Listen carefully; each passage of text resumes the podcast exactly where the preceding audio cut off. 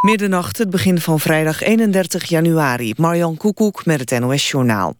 De pensioenen in de metaal gaan niet omlaag... hoewel twee pensioenfondsen eind december niet de vereiste dekkingsgraad hadden. De fondsen PMT en PNME hadden wel voor een korting gewaarschuwd... maar zeggen nu dat er meer tijd nodig is om met een goed besluit te komen. Pensioenfonds Zorg en Welzijn gaat de pensioenen juist verhogen... met bijna 1 procent. Een gepensioneerde verpleegkundige gaat er daardoor dit jaar gemiddeld 60 euro bruto op vooruit. Het pensioenfonds voor de bouw staat er ook goed voor... maar wil liever eerst meer reserve opbouwen. Ambtenarenpensioenfonds ABP doet het ook beter... en heeft besloten om de korting van een half procent van vorig jaar te schrappen. Twee leden van de Russische vrouwenpunkgroep Pussy Riot... gaan de komende dag met minister Timmermans praten... over de Nederlandse delegatie in Sochi. Ze vinden het jammer dat Nederland zo'n zware delegatie stuurt... met de koning, de koningin, de premier en een minister. Volgens hen staat ook de Nederlandse bevolking daar niet achter. De twee vrouwen zijn in Nederland in verband met het Human Rights Weekend in Amsterdam. Ze zaten tot eind vorig jaar in een Russisch strafkamp. Sinds hun vrijlating zetten ze zich in voor betere omstandigheden in Russische Het gerechtshof in het Italiaanse Florence heeft de Amerikaanse Amanda Knox schuldig bevonden aan de moord op een Britse student in 2007. Ze heeft 28 jaar cel gekregen. Maar ze gaat gevangenis niet in. Knox was niet bij het proces aanwezig en woont in de VS. En dat zal haar niet aan Italië uitleveren. Haar Italiaanse medeverdachte kreeg 25 jaar cel. En in de zaak van de aanslag in Boston eisen de openbaar aanklagers de doodstraf tegen Djokhar Tsarnaev, een van de daders. De Amerikaanse minister van Justitie heeft daarvoor toestemming gegeven. Tsarnaev en zijn broer Tamerlan lieten vorig jaar april bij de finish van de marathon in Boston zelfgemaakte bommen ontploffen. Daarbij kwamen drie mensen om het leven en raakten 260 mensen gewond. Bij een klopjacht van de politie kwam Tamerlan om het leven. Het weer vannacht op veel plaatsen temperaturen onder 0 tot min 4. Overdag zonnige periode, vooral in de ochtend. Later op de dag meer bewolking. Het wordt 1 tot 6 graden. Dit was het NOS Journaal. Radio 1. VPRO. Nooit meer slapen.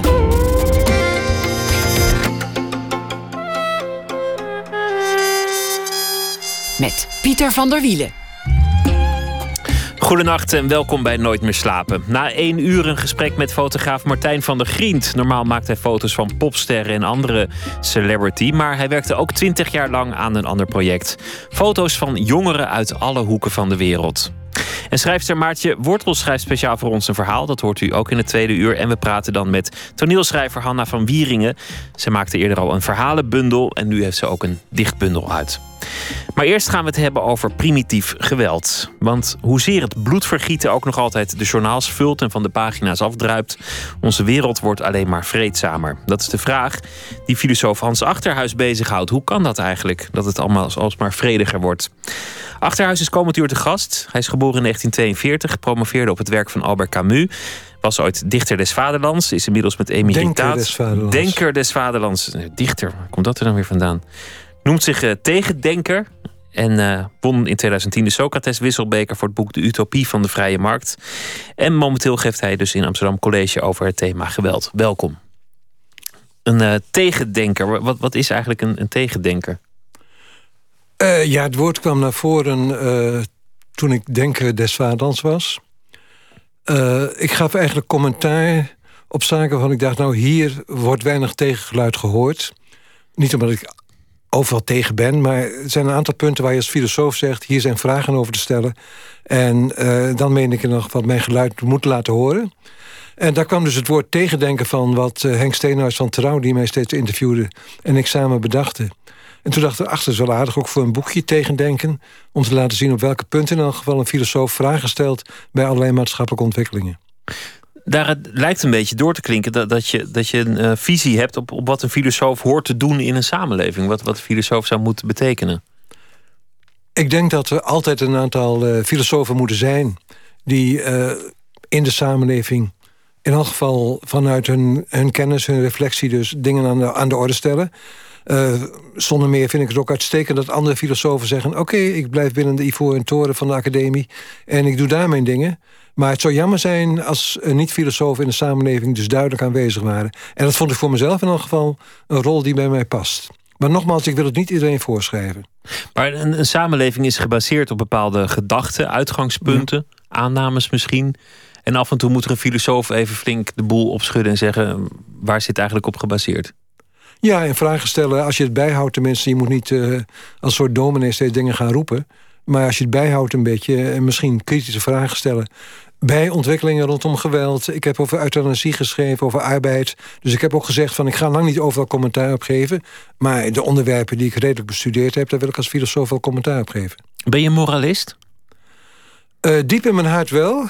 Maar juist omdat ik het ben, probeer ik het uh, diep in mijn hart... in ieder geval naar buiten toe niet te zijn. Uh, ik weet gewoon hoe gevaarlijk moralisme is.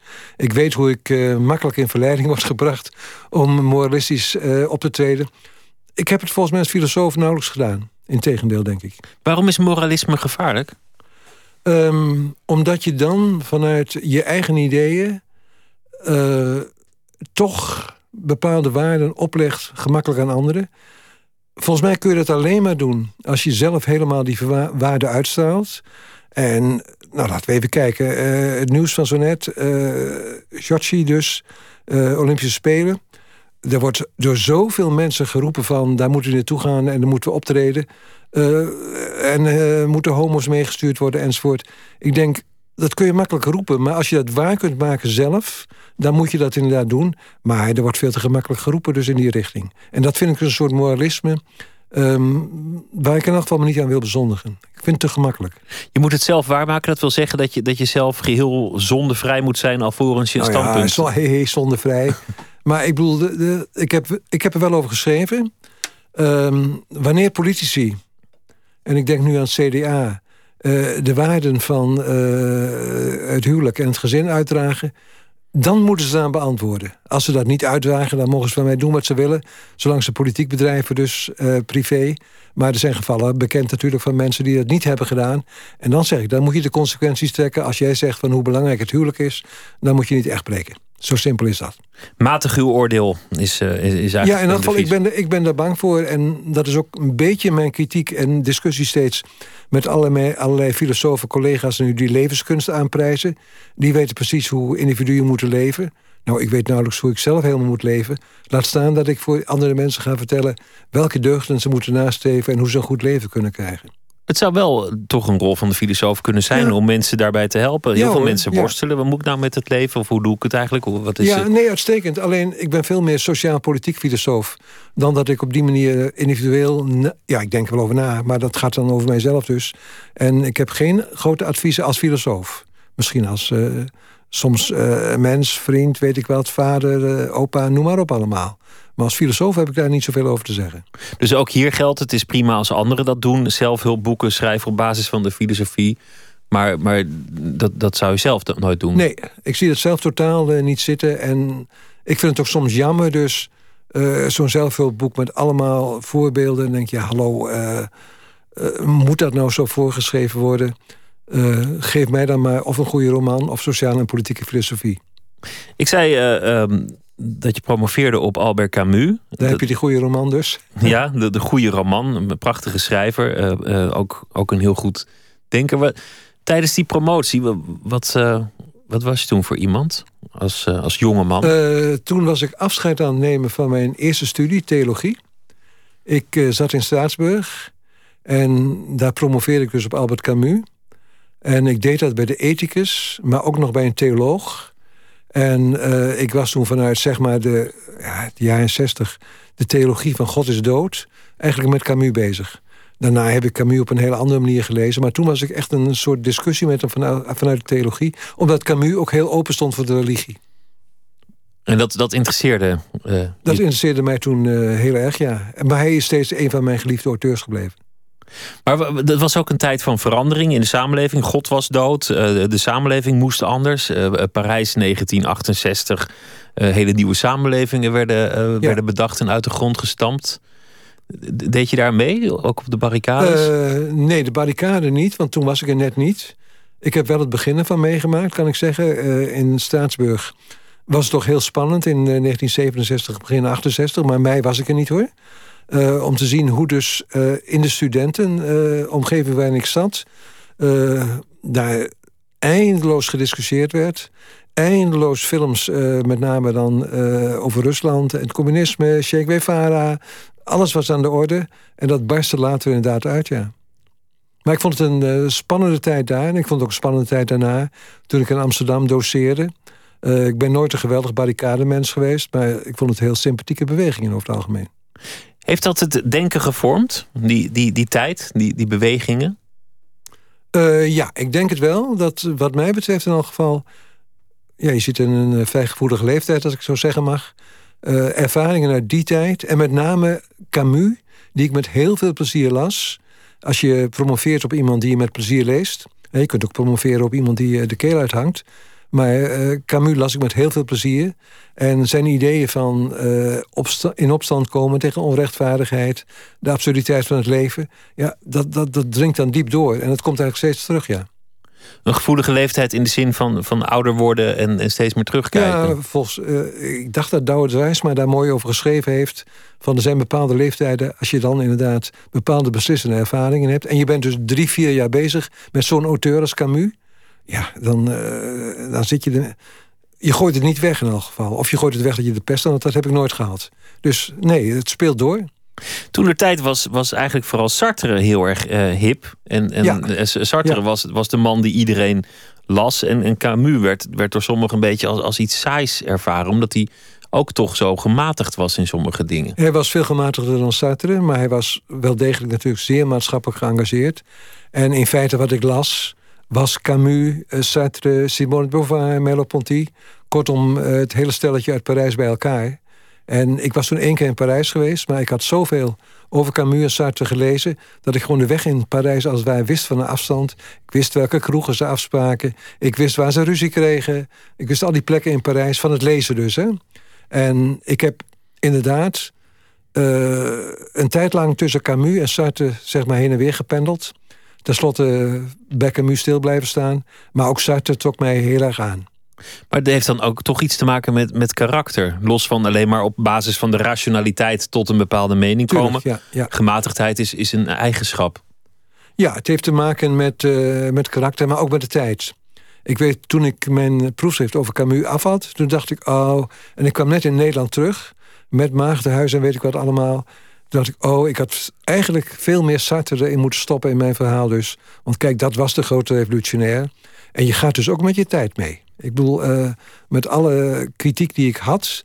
Uh, ging je toch heel makkelijk met je tijd mee... en uh, met de beweging uit die tijd. Is er niet een moment, want, want dat, dat hoor je vaak in het leven... dat mensen zeggen, ja, daar ging de, de tijdgeest ging naar links... en ik ging naar rechts, of, of, of andersom. Dat je, dat je eigenlijk de tijdgeest een beetje uitzwaait? Ik ging redelijk mee met de tijdgeest... Maar lag juist binnen die tijdgeest, voor mijn gevoel, op allerlei beslissende punten dwars. En daar had ik dus ook geweldig problemen mee. Met name de faculteit waar ik zat en waar ik toen een uh, androgologie, zeg maar bestudering van welzijnswerk.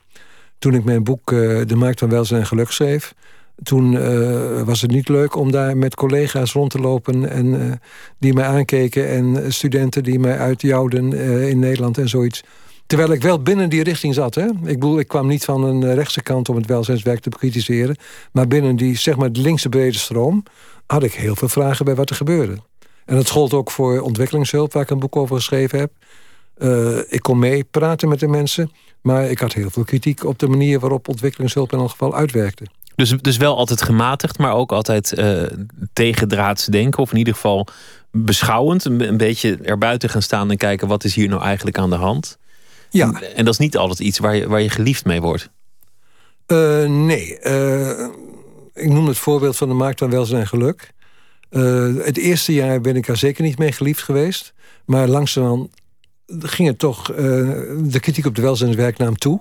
En plotseling werd mijn boek een, een bestseller. En werd ik toch wel achteraf, komen heel veel mensen naar me toe. Ik moest uw boek lezen vroeger. En het heeft me zo geïnspireerd dan zeg ik vaak, nou, het eerste jaar eh, werd het uitgekost door iedereen. Dus soms krijg je de tijd aan weer mee. En daarom zeg ik ook tegendenken. Ik denk dat ik een van de eerste ben die hevig kritiek heeft gehad op de humanitaire interventies, zowel in Kosovo als in Oeruzgan. Als ik op dit en toen werd ik ook uitgekotst, hè, uh, rondom Oeruzgan. Als ik nu lees hoe erop teruggeblikt wordt, denk ik, ja, Dat heb ik allemaal toen gezegd. Niet dat ik zo wijs ben of zoiets, maar ik bedoel, de, tijd verandert ook op een gegeven moment. En toen lag ik echt dwars. Dat ik zei, moet dat nou? In Kunduz, ja, het was een belachelijk idee... dat wij daar politieagenten even gingen opleiden. Terwijl ik weet, vanwege contacten met de politie... hoe moeilijk het is om in het buitenland politieagenten... in een hele lange termijn uit een vriendschappelijke situatie... te veranderen in brave Nederlandse politieagenten. Die vind je niet zo makkelijk in het buitenland. De Utopie van de Vrije Markt noemde ik ook aan het begin. Dat is inmiddels een boek dat ook heel veel bijval heeft gekregen. Maar dat ging ook tegen de tijdgeest in. Dat, dat zei eigenlijk van ja, de gedachte dat, dat je geluk kunt nastreven door een vrije markt. Of dat een samenleving ideaal wordt als je maar alles overlaat aan die markt. Is een utopie, is, is, een, is een waanidee. Ja, ja dat, dat boek is heel gemengd uh, ontvangen. Inderdaad, uh, ja, ik kreeg dus die uh, Socrates beker voor het beste Nederlandse talige filosofieboek. Um, in bepaalde kringen, uh, en ik wijs dan met name op uh, de VVD, was ik echt persona non grata. Uh, is ook een, nou, ik vind het een beetje schotschriftachtig verhaaltje over mij verschenen. Verschillende keren geprobeerd om in contact te komen, in discussie dus, met de VVD, die ook over de crisis had geschreven. En het werd steeds eigenlijk afgehouden. Met achterhuis gaan we niet in discussie. dus daar lag het dus heel slecht. Dat is een hele gekke, voor mij, omzwaai... met dat de markt van welzijn en geluk. Uh, toen werd ik omhelst door, die ik redelijk goed kende... Von Hof als staatssecretaris. Die vond het heel mooi wat ik deed, dus de VVD. Voor mijn gevoel zeg ik nog ongeveer dezelfde dingen als toen... alleen over andere onderwerpen. En plotseling ligt het nu in elk geval aan die kant niet goed. Ja, mensen houden gewoon van groepsdenken en, en van hun eigen uh, kring. Maar, je zegt net, ja, niet dat ik zo wijs ben, maar wat is, wat is eigenlijk wel de, de, de reden waar, waarom je tegen de tijd in kunt denken en jezelf uit de tijdgeest kunt onttrekken? Nou, nooit helemaal, hè? Uh, dat kan nooit helemaal. Je kunt wel bij jezelf blijven en vanuit jouw kennis en reflectie vragen stellen. Maar je gaat altijd een stuk met de tijdgeest mee. Ik, volgens mij is dat onontkoombaar. Ik kan voorbeelden geven uit het verleden... waarbij rechtse mensen in de jaren 60 en 70... meegingen met de linkse culturele stroom. En uh, achteraf zeg, kijken die er gek op, op terug natuurlijk. En ik zat in die stroom, maar in die stroom ben ik dus steeds heel erg kritisch geweest. Is dat, is dat iets wat je, wat je kunt leren om, om je eraan te onttrekken? Of moet je daar ook fysiek je af en toe eraan onttrekken? Met, met een boswandeling? Hoe doe je zoiets eigenlijk? Um, nou, uh, veel... Uh, op een gegeven moment, laat ik maar gewoon zeggen... toch met uh, je naaste omgeving uh, praten, ouwehoeren, kletsen daarover... kijken hoe je standpunt ligt. En ik ben heel erg veel geholpen door degene met wie ik nu samenwerk... Uh, Nico Koning, een aantal studenten toen op het instituut waar ik zat... die waren, leefden met mij mee. En ik werd erkend dus door mijn studentengroep. En het grote massa van het instituut vond het allemaal niks dus. Maar het is dan heerlijk om te denken, ben ik nou gek of niet? Nee, gelukkig zie ik hier een vijftal studenten... die ook elke week met mij eigenlijk de teksten lazen... Uh, die met mij meedenken. Als je dat niet hebt, zo sterk ben ik ook weer niet dat ik dan eh, tegen de stroom in zal denken, denk ik. Dus om goed tegen te denken moet je een aantal mensen hebben die meedenken. Maar, maar je moet dus ook tegen jezelf weer indenken. Ja, je moet ook zeker tegen jezelf indenken. Je moet ook durven zeggen, wat mij betreft, van uh, ik heb mij in het verleden, als het bijvoorbeeld over geweld gaat, in de jaren zeventig, toch vergist. Ik was, ging te gemakkelijk mee met gewelddadige ideeën over revoluties. En dan moet je erop durven terugkijken en zeggen ik was een van de velen, hè? Ik bedoel, eh, maar ik heb het wel gedaan. En daar moet je vragen bij durven stellen. Utopieën, ik denk dat in die tijd heel erg utopisch werd gedacht. En dat kostte mij moeite om daar afscheid van te nemen, ja. We gaan het straks hebben over uh, geweld en wat daar zo aan fascineert. En waarom het eigenlijk relatief toch weinig uh, voorkomt. Maar eerst muziek. We hebben platen uitgekozen die iets te maken hebben met het thema filosofie. En dit is een nummer van PJ Harvey. Oh nee, het is helemaal niet het nummer van PJ Harvey. Dat was een, een titel van een plaat van PJ Harvey. Ik zeg het helemaal verkeerd. Maar uh, de artiest, dat is Uh Huh Her.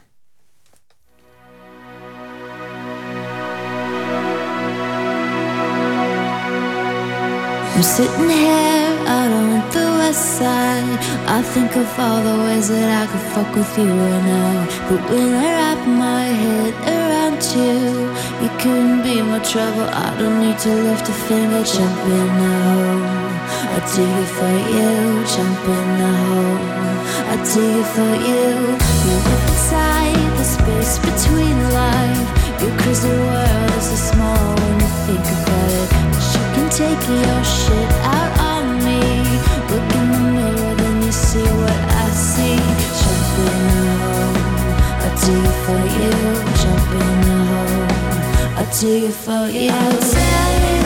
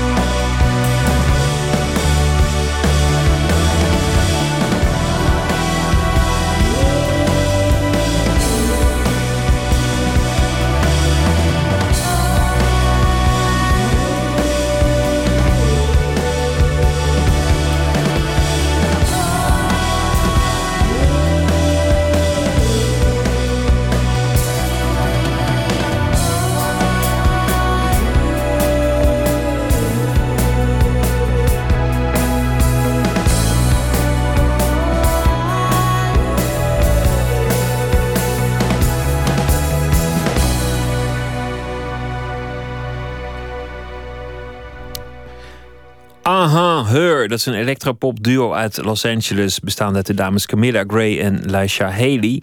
En dit eh, nummer Philosophy kwam van hun EP Black and Blue uit 2011. U luistert naar Nooit meer slapen in gesprek met eh, filosoof Hans Achterhuis. We hadden het net over eh, geweld al een beetje. Waarom, waarom fascineert geweld u eigenlijk? Ehm, ja, ik ben over geweld gaan schrijven. Eh, dat was niet zo gek natuurlijk. Na 9-11, na de aanslagen eh, op de moord Pim Fortuyn, politieke moorden in Nederland. Deel van Gogh. En kreeg het idee van ja, overal in de wereld, Afghanistan, Irak, eh, zie ik het geweld toenemen. Ik wil het als filosoof begrijpen. Toen ik over ging schrijven, merkte ik tot mijn stomme verbazing dat ik er vroeger ook al over geschreven had. Alleen goedkeurend. revolutionair geweld. Eh, China, Che Guevara. Daar keek je dus heel erg kritisch naar. Dat is een heel dik boek geworden om geweld te begrijpen. Toen ik het ongeveer af had, met alle geweld dus, het boek... een potentievolle titel, met alle geweld. Maar in elk geval kreeg ik steeds meer materiaal onder ogen... wat mij dus eigenlijk zei, echt keihard feitelijk materiaal... van ja, maar we leven in een steeds vreedzame wereld. En ik was totaal met een ander uitgangspunt begonnen. En ik heb dat nog wel in mijn boek verwerkt... eh, om ook te begrijpen waarom wij de wereld zo gewelddadig vinden... terwijl die zo vreedzaam is. En met een student, Nico Koning... hebben we een aantal cursussen gegeven. Eerst over mijn boek. En daarna proberen Nico en ik vanuit die gegevens van de vreedzaamheid van de moderne wereld te begrijpen hoe wij er in de geschiedenis in geslaagd zijn om het geweld terug te brengen. En ook te kijken hoe dat in het verleden ging hoor. Ik bedoel, uh, niet alleen maar in de moderne samenleving, maar zeg ook maar in een uh, jagers-verzamelaars samenleving. Ik, ik, moet, ik moet even wennen, denk ik, aan, aan de gedachte dat het geweld minder wordt. Omdat dat als, je, als je kijkt naar het nieuws of de krant leest of, uh, of de radio aan hebt, dan, dan is het eigenlijk alleen maar moord en doodslag en, ja. en Nee, maar dat, dat, dat, had ik dus ook. Ik bedoel, ik schreef erover. En ik kreeg dus wel materiaal onder de ogen dat zei van het valt allemaal wel mee. Als je, in de loop, als je naar de geschiedenis kijkt. Uh, maar ik kon het ook heel moeilijk geloven. En uh, heel langzaam kreeg ik zoveel materiaal. Uh, grote boeken over oorlog in de menselijke geschiedenis... waarbij je ziet dat procentueel vroeger veel meer mensen in oorlogen vielen... dan zelfs in onze Tweede Wereldoorlog of de Eerste Wereldoorlog... die nu herdacht wordt. Maar het kostte me ook heel veel moeite om dat inderdaad A te aanvaarden dus... als je de krant leest of tv kijkt... en B daarna om te zeggen van... hé, hey, uh, hoe is dat gekomen? Dat is mijn huidige vraag dus. Maar het eerste punt is zo ontzettend moeilijk. Want, want uh, als, je, als je het hebt over een percentage van de bevolking... dat, dat doodgaat door geweld...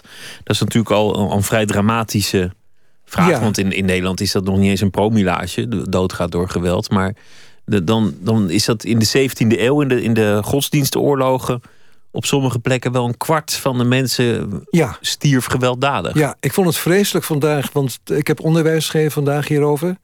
En dat Nico Koning toen verwees, dus mijn mededocent, naar Syrië. En zei, nou ik heb eens gekeken. Syrië had evenveel inwoners als Duitsland in de 30-jarige oorlog. In Duitsland uh, is dus nou, zo'n kwart of nog meer van de bevolking omgekomen. Zover is in Syrië op dit moment nog lang niet gekomen, ondanks alle moderne wapens. En dan doet, denk ik toch weer, dat kan toch bijna niet. Je ziet het gewoon wat er gebeurt. Het is vreselijk als je dat, ik kan het niet aanzien zelf dus, inderdaad. Maar dat je zegt, ach, vergeleken met toen, valt het misschien wel mee. Dan roep ik meteen tegen Nico van... hé, hey, hey, dat was wel een oorlog van 30 jaar. Als Syrië 30 jaar doorgaat, zit je op dezelfde cijfers dus. Ja, want het, het is uh, tienduizenden doden. De, de, extra exacte getallen schommelen. En die zijn natuurlijk ook heel moeilijk in te schatten. Maar het, het, het voelt meteen inderdaad verkeerd... om dat heel erg te relativeren ja. en af te zetten tegen andere getallen. Ja, ik kan het ook niet relativeren hoor. Als ik dus de gegevens zie en de, de foto's zie... Uh, tv, nee, denk dat is niet te relativeren. Tegelijkertijd is er ook iets, en dat is een belangrijk punt... omdat wij in zo'n redelijk vreedzame westerse samenleving leven... kunnen we ook niet meer tegen geweld. Vroeger was dat een vanzelfsprekendheid van het leven. Ik kan ook totaal niet tegen. Dus als ik geweld zie dus, vind ik het meteen vreselijk... en uh, wil ik in elk geval uh, ervoor terugdeinzen... terwijl het vroeger een onderdeel was van het leven. Dat moeten we ook begrijpen, dat wij niet met geweld kunnen omgaan. Als moderne mensen. Maar het, het is dus minder geworden. In, in, in Nederland sterft nou, procentueel niemand aan, aan, aan geweld. Nee, meestal in uh, je bed, ja. ja. Ja, meestal sterf je in je bed of je glijdt uit over een stukje zeep onder de douche. Of, uh, of in het verkeer misschien, of een ziekte, dat soort dingen. Um, het, het is dus minder geworden. En de, de vraag is, hoe is dat eigenlijk gelukt? Hoe is het eigenlijk gelukt om dat geweld uit onze westerse samenleving te krijgen? Ja, uh, dan houden wij toch een soort loflied op uh, moderne instituties die langzaam ontstaan zijn. Um, de rechtspraak misschien als eerste. Um, in traditionele samenleving, dus voor de moderne tijd... gold dus echt iets als eerwraak. Als ik iemand van jouw familie doodde... dan moest je inderdaad wraak nemen, dat was je verplicht. En dat ging maar door. We kennen die verhalen dus uit de traditie... we kennen die uit de Griekse tragedies enzovoort. Het gaat maar door zo'n eerwraak. Uh, bij de Grieken is er een einde aangekomen eigenlijk. Dan wordt er een gerechtshof ingericht. En uh, dan gaan de rechters uitspraken doen. En die kunnen dus inderdaad uh, beslissingen nemen. Nou, die rechtspraak is ontzettend belangrijk. Als een institutie. Als die er niet is, verval je dus... en daar is Syrië weer een mooi voorbeeld van eigenlijk... van in heen en weer gaan van geweld wat niet te stoppen is. En rechtspraak kan geweld stoppen als je daar aan onderwerpt. En dat hebben wij als moderne mensen langzaam geleerd instituties. Dat is, dat is ja. eigenlijk in, heel in het kort het antwoord. Ja, we zijn helemaal geen betere mensen geworden, weet ik wat, dan vroeger. Daar geloof ik helemaal niet in. Maar ik geloof wel dat er instituties zijn waardoor wij zeggen... oké, okay, ik heb uh, ruzie met iemand anders, ik ga naar de rechter. Of uh, ik praat het uit. Democratie is ook in instituties in elk geval heel belangrijk dus. Dat je democratische procedures volgt. Nou, dat soort dingen, die hebben we langzaam geleerd. En die hebben ongetwijfeld meegewerkt dus om onze wereld vreedzamer te maken. En, die zijn dus ook kostbaar wat mij betreft. Heel kostbaar om inderdaad te onderhouden. En internationaal geldt het ook, dat, dat tussen landen het niet meteen nodig is om uh, elk geschil met, met kanonnen op te lossen. Ja, daar is de beroemde uitspraak van de filosoof Immanuel Kant, die die al uh, dus uh, eind 18e eeuw doet, van dat tussen democratieën geen oorlog zal ontstaan. En dat zei Nico weer vandaag in het onderwijs. dat is nooit, kun je voorbeelden geven van democratieën die met elkaar in oorlog raken. Ik denk dat het, dat het inderdaad klopt democratische samenlevingen dus... dat die geen oorlog met elkaar voeren. Democratieën voeren wel oorlog... om inderdaad de Tweede Wereldoorlog als het ware dus... inderdaad tegen een totalitaire samenleving. Maar onderling gebeurt dat dus niet, denk ik. En dan zie je dus wereldwijd... dat ook de oorlogen op dat punt in elk geval minder worden en veranderen. Maar ja, één, één uh, incident en, en de hele theorie staat op de helling. Iemand hoeft maar ergens een atoombom te gooien. Nee, klopt. En we hebben de meest gewelddadige tijd die er ooit is geweest. En dan kijken we er ook anders tegenaan. Nee, klopt. Uh, een boek wat voor ons heel belangrijk is geweest. Maar nogmaals, ik had toen mijn eigen boek al geschreven. Is uh, van Steven Pinker. The Better Angels of Our Nature. Amerikaanse sociaal psycholoog van Harvard. En die laat dus heel nauwgezet met eindeloos veel statistieken zien... van hoe het geweld verminderd is en hoe de wereld veiliger is geworden. Maar ook Pinker zegt aan het eind dat hij geen enkele... Hij zegt ook hoe belangrijk die instituties zijn... hoe belangrijk de mensenrechten zijn... hoe belangrijk specifieke vrouwenrechten zijn... Uh, maar hij zegt tegelijkertijd, ik kan geen enkele garantie geven. Alleen, en daar ben ik het wel mee eens...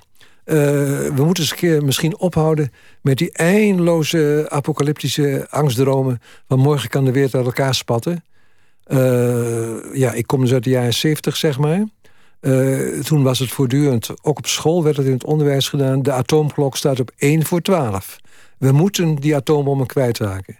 En die atoomklok staat volgens mij niet op 1 voor 12. Maar het is een soort dreiging met de apocalyps... die heel lekker aanspreekt natuurlijk. Dat komt uit de Bijbel. De wereld gaat ten onder enzovoort. Uh, ik geloof er dus niet in. Maar ik geef geen enkele garantie, net als Pinker. Het kan gebeuren. Er kan iets geks gebeuren. En dan komen we inderdaad in een apocalyps terecht. Maar niet al te veel zorgen erover. Toch, toch neigend naar optimisme. Uh, ja, op dat punt neigen naar optimisme. Ik zeg helemaal niet dat de wereld in algemene zin beter is geworden... maar dat die wel vreedzamer is geworden. Maar en, en bijvoorbeeld een, een nieuwe vurer kan natuurlijk ook zomaar gebeuren... als de crisis een beetje aanhoudt en, en de mensen worden boos... en dan uh, iemand wijst de zondebok aan en uh, nou ja, dan ja. marcheren ze weer. Dat zijn de, de grote angsten inderdaad, die toch weer meevallen. Maar nogmaals, als er naar Griekenland wordt gekeken... wat daar gebeurt op dit moment... dan zie je daar de mogelijkheid van een toch weer fascisme opkomen. Maar nogmaals, het niet met dezelfde kracht als in Hitler-Duitsland of in Mussolini-Italië. Ik zie dat niet op die manier dus zo krachtig opkomen. Maar, maar, maar ik zeg helemaal niet dat, die, dat het niet kan hoor. Maar nee, want, want, want, want, u zegt ook, ja, de, de mens is niet beter geworden of zo. De, de mens is nog, nog even slecht als die altijd We was. Zijn, of even ja, gewelddadig. soort mensen, ja. ja. Nog, even, nog even rottig. Maar ja, die instanties worden ook bevolkt door mensen. Dus, dus dat blijft toch een, een, een beetje van karton. Ja, maar die, die mensen moeten dus die instanties... dat is belang ook van een uh, onafhankelijke rechtspraak... Uh, die moet dus niet uh, geplooid worden door de soort mensen die er zitten. Die hebben een bepaalde functie, die de, moeten rechtspreken. En omdat wij in elk geval daar hebben geleerd... dat we daar op die manier onze recht voor een deel kunnen halen dus... slaan we elkaar de kop niet in. Als die rechtspraak weg zou vallen dan twijfel ik er geen moment aan... Uh, dat mensen elkaar weer vrij snel de kop in zouden gaan slaan. En dat gebeurt ook in bepaalde situaties natuurlijk... als dat plotseling wegvalt. Maar dit is bijna een utopisch beeld. Dan heb je dus eh, het, het moderne, eh, de moderne samenleving met instanties... en als we die maar overal invoeren... dan zal het ook overal vrede zijn. Nou ja, uh, er gebeuren nog genoeg dingen natuurlijk. Hè? Uh, maar in elk geval zal het dan vreedzamer zijn, ja. En ik denk dat je als ik kijk naar uh, ja, de sector waar ik in gewerkt heb... ook in het begin, voordat ik filosofie ging doen... de ontwikkelingssector... dan kun je dus zeggen van in de ontwikkelingslanden... naarmate daar westerse instituties een kans krijgen... heb je meer kans dat het ook vreedzamer gaat. Uh, er is heel veel gepraat over nation building. Dat zou Bush ook in Irak gaan doen. Zo werkt dat niet. Ik bedoel, uh, je kunt aan nation building doen, maar bijna niet van buitenaf. Je kunt hoogstens helpen het soort instituties die hier werken, daar ook een begin mee te maken. Kijk, verkiezingen, dat klinkt heel erg leuk, een democratie. Maar als dat dus de verkeerde kant op gaat en als je niet uh, rechters hebt, als je geen democratische procedures verder hebt, dan heb je heel weinig aan verkiezingen. Toch is er ook heel veel verzet in andere landen, juist tegen die modernisering, tegen die democratie, tegen die rechtspraak. Ja. Dat wordt gezien als, als westerse export. Ja, dat klopt. Ik bedoel, is op dit moment. Uh, ik denk dat wij, Nico en ik, vanuit de, de termen waar we mee bezig zijn, inderdaad dat soort conflicten wat makkelijker kunnen plaatsen en begrijpen. Uh, ik vind Afghanistan een mooi voorbeeld. Uh, daar is eerst door de Sovjet-Unie, uh, maar daarna door het Westen geprobeerd toch westerse instituties in te voeren, waar ik dus 100% achter sta. Maar die zijn op zo'n manier ingevoerd dat de reactie voor allerlei groepen, en met name voor vrouwen, het eigenlijk zwaarder maakt dan het was, denk ik. En de spanningen die overal op dat punt optreden, die hebben te maken met die botsing van mensen trekken zich terug en denken, ja, daar komen die westerse mensen weer met hun mensenrechten aan en die willen ze ons opleggen. Dan gaan we weer terug uh, naar de traditionele religie. Alleen de fundamentalistische vormen daarvan die je nu ziet, zijn veel uh, harder, krampachtiger en agressiever dan religies in het verleden waren. Ik vind een mooi voorbeeld de krant van vanmorgen. Uh, Frankrijk, hè, de laïcité, leken moeten moet worden uitgedragen op school, uh, lagere scholen. Krijgen kinderen nu expliciet les waarin gezegd wordt dat mannen en vrouwen en jongens en meisjes gelijk zijn. Hè, een waarde van de moderne tijd. Uh, volgens de kant van morgen dus houden heel veel moslims hun kinderen nu bewust thuis. Dat willen ze niet horen. Dat wil zeggen dus, ze willen niet horen dat vrouwen dus gelijk zijn aan mannen. Dus de kinderen mogen dat ook niet horen. Nou, dat, dat soort spanningen dus, die zie je over de hele wereld eigenlijk plaatsvinden. En die wil ik ook proberen te begrijpen. Maar dat is eigenlijk hetzelfde in, in, een, in een wat radicalere mate uh, waar u zelf tegenaan liep. Als je, als je de welzijnssector bekritiseert, dan, dan zeggen ze: hé, hey, maar dat, dat zijn wij, dat is ons, ons groepje. Ja. En, en dan komt die achterhuis van buiten. Of als je het liberalisme aanpakt, dan, dan, dan, dan zeggen de de, zegt de VVD van goh. Ja, dat is een bepaald soort liberalisme. Ik denk ja, dat ik. Uh... Ja, ga, ga, ga, ga, lekker je moeder pesten, maar, maar laat ons met rust. Dat heeft te maken met groepsdenken. En, en dat, dat, hebben, dat hebben religies natuurlijk boven, boven alles. Dat is de manier waarop uh, religies altijd gefunctioneerd hebben, ja. En uh, dat is bij ons. Ik bedoel, wij zijn een seculiere samenleving geworden, maar het heeft ook eeuwen geduurd. En dat is ook eigenlijk vanaf de jaren zestig dat een aantal van die seculiere trekken, ook gelijkheid van mannen en vrouwen bij ons uh, vanzelfsprekend zijn geworden. Althans als waarden, nog niet als praktijk overal. Uh, nee, maar het is goed te begrijpen dat bepaalde groepen vanuit hun religie het angstig vinden om in een moderne wereld gegooid te worden, dan is het veel veiliger om je terug te trekken op je eigen positie. Dan heb je je eigen groep, je kent elkaar, je hebt je eigen waarden. En dan krijg je een veel fellere religie. Uh, Iran is ook een mooi voorbeeld natuurlijk. Uh, dan het daarvoor was. En dat zijn de botsingen waar we mee zitten. En die zijn zeer gewelddadig. Die zijn uh, redelijk gewelddadig, ja.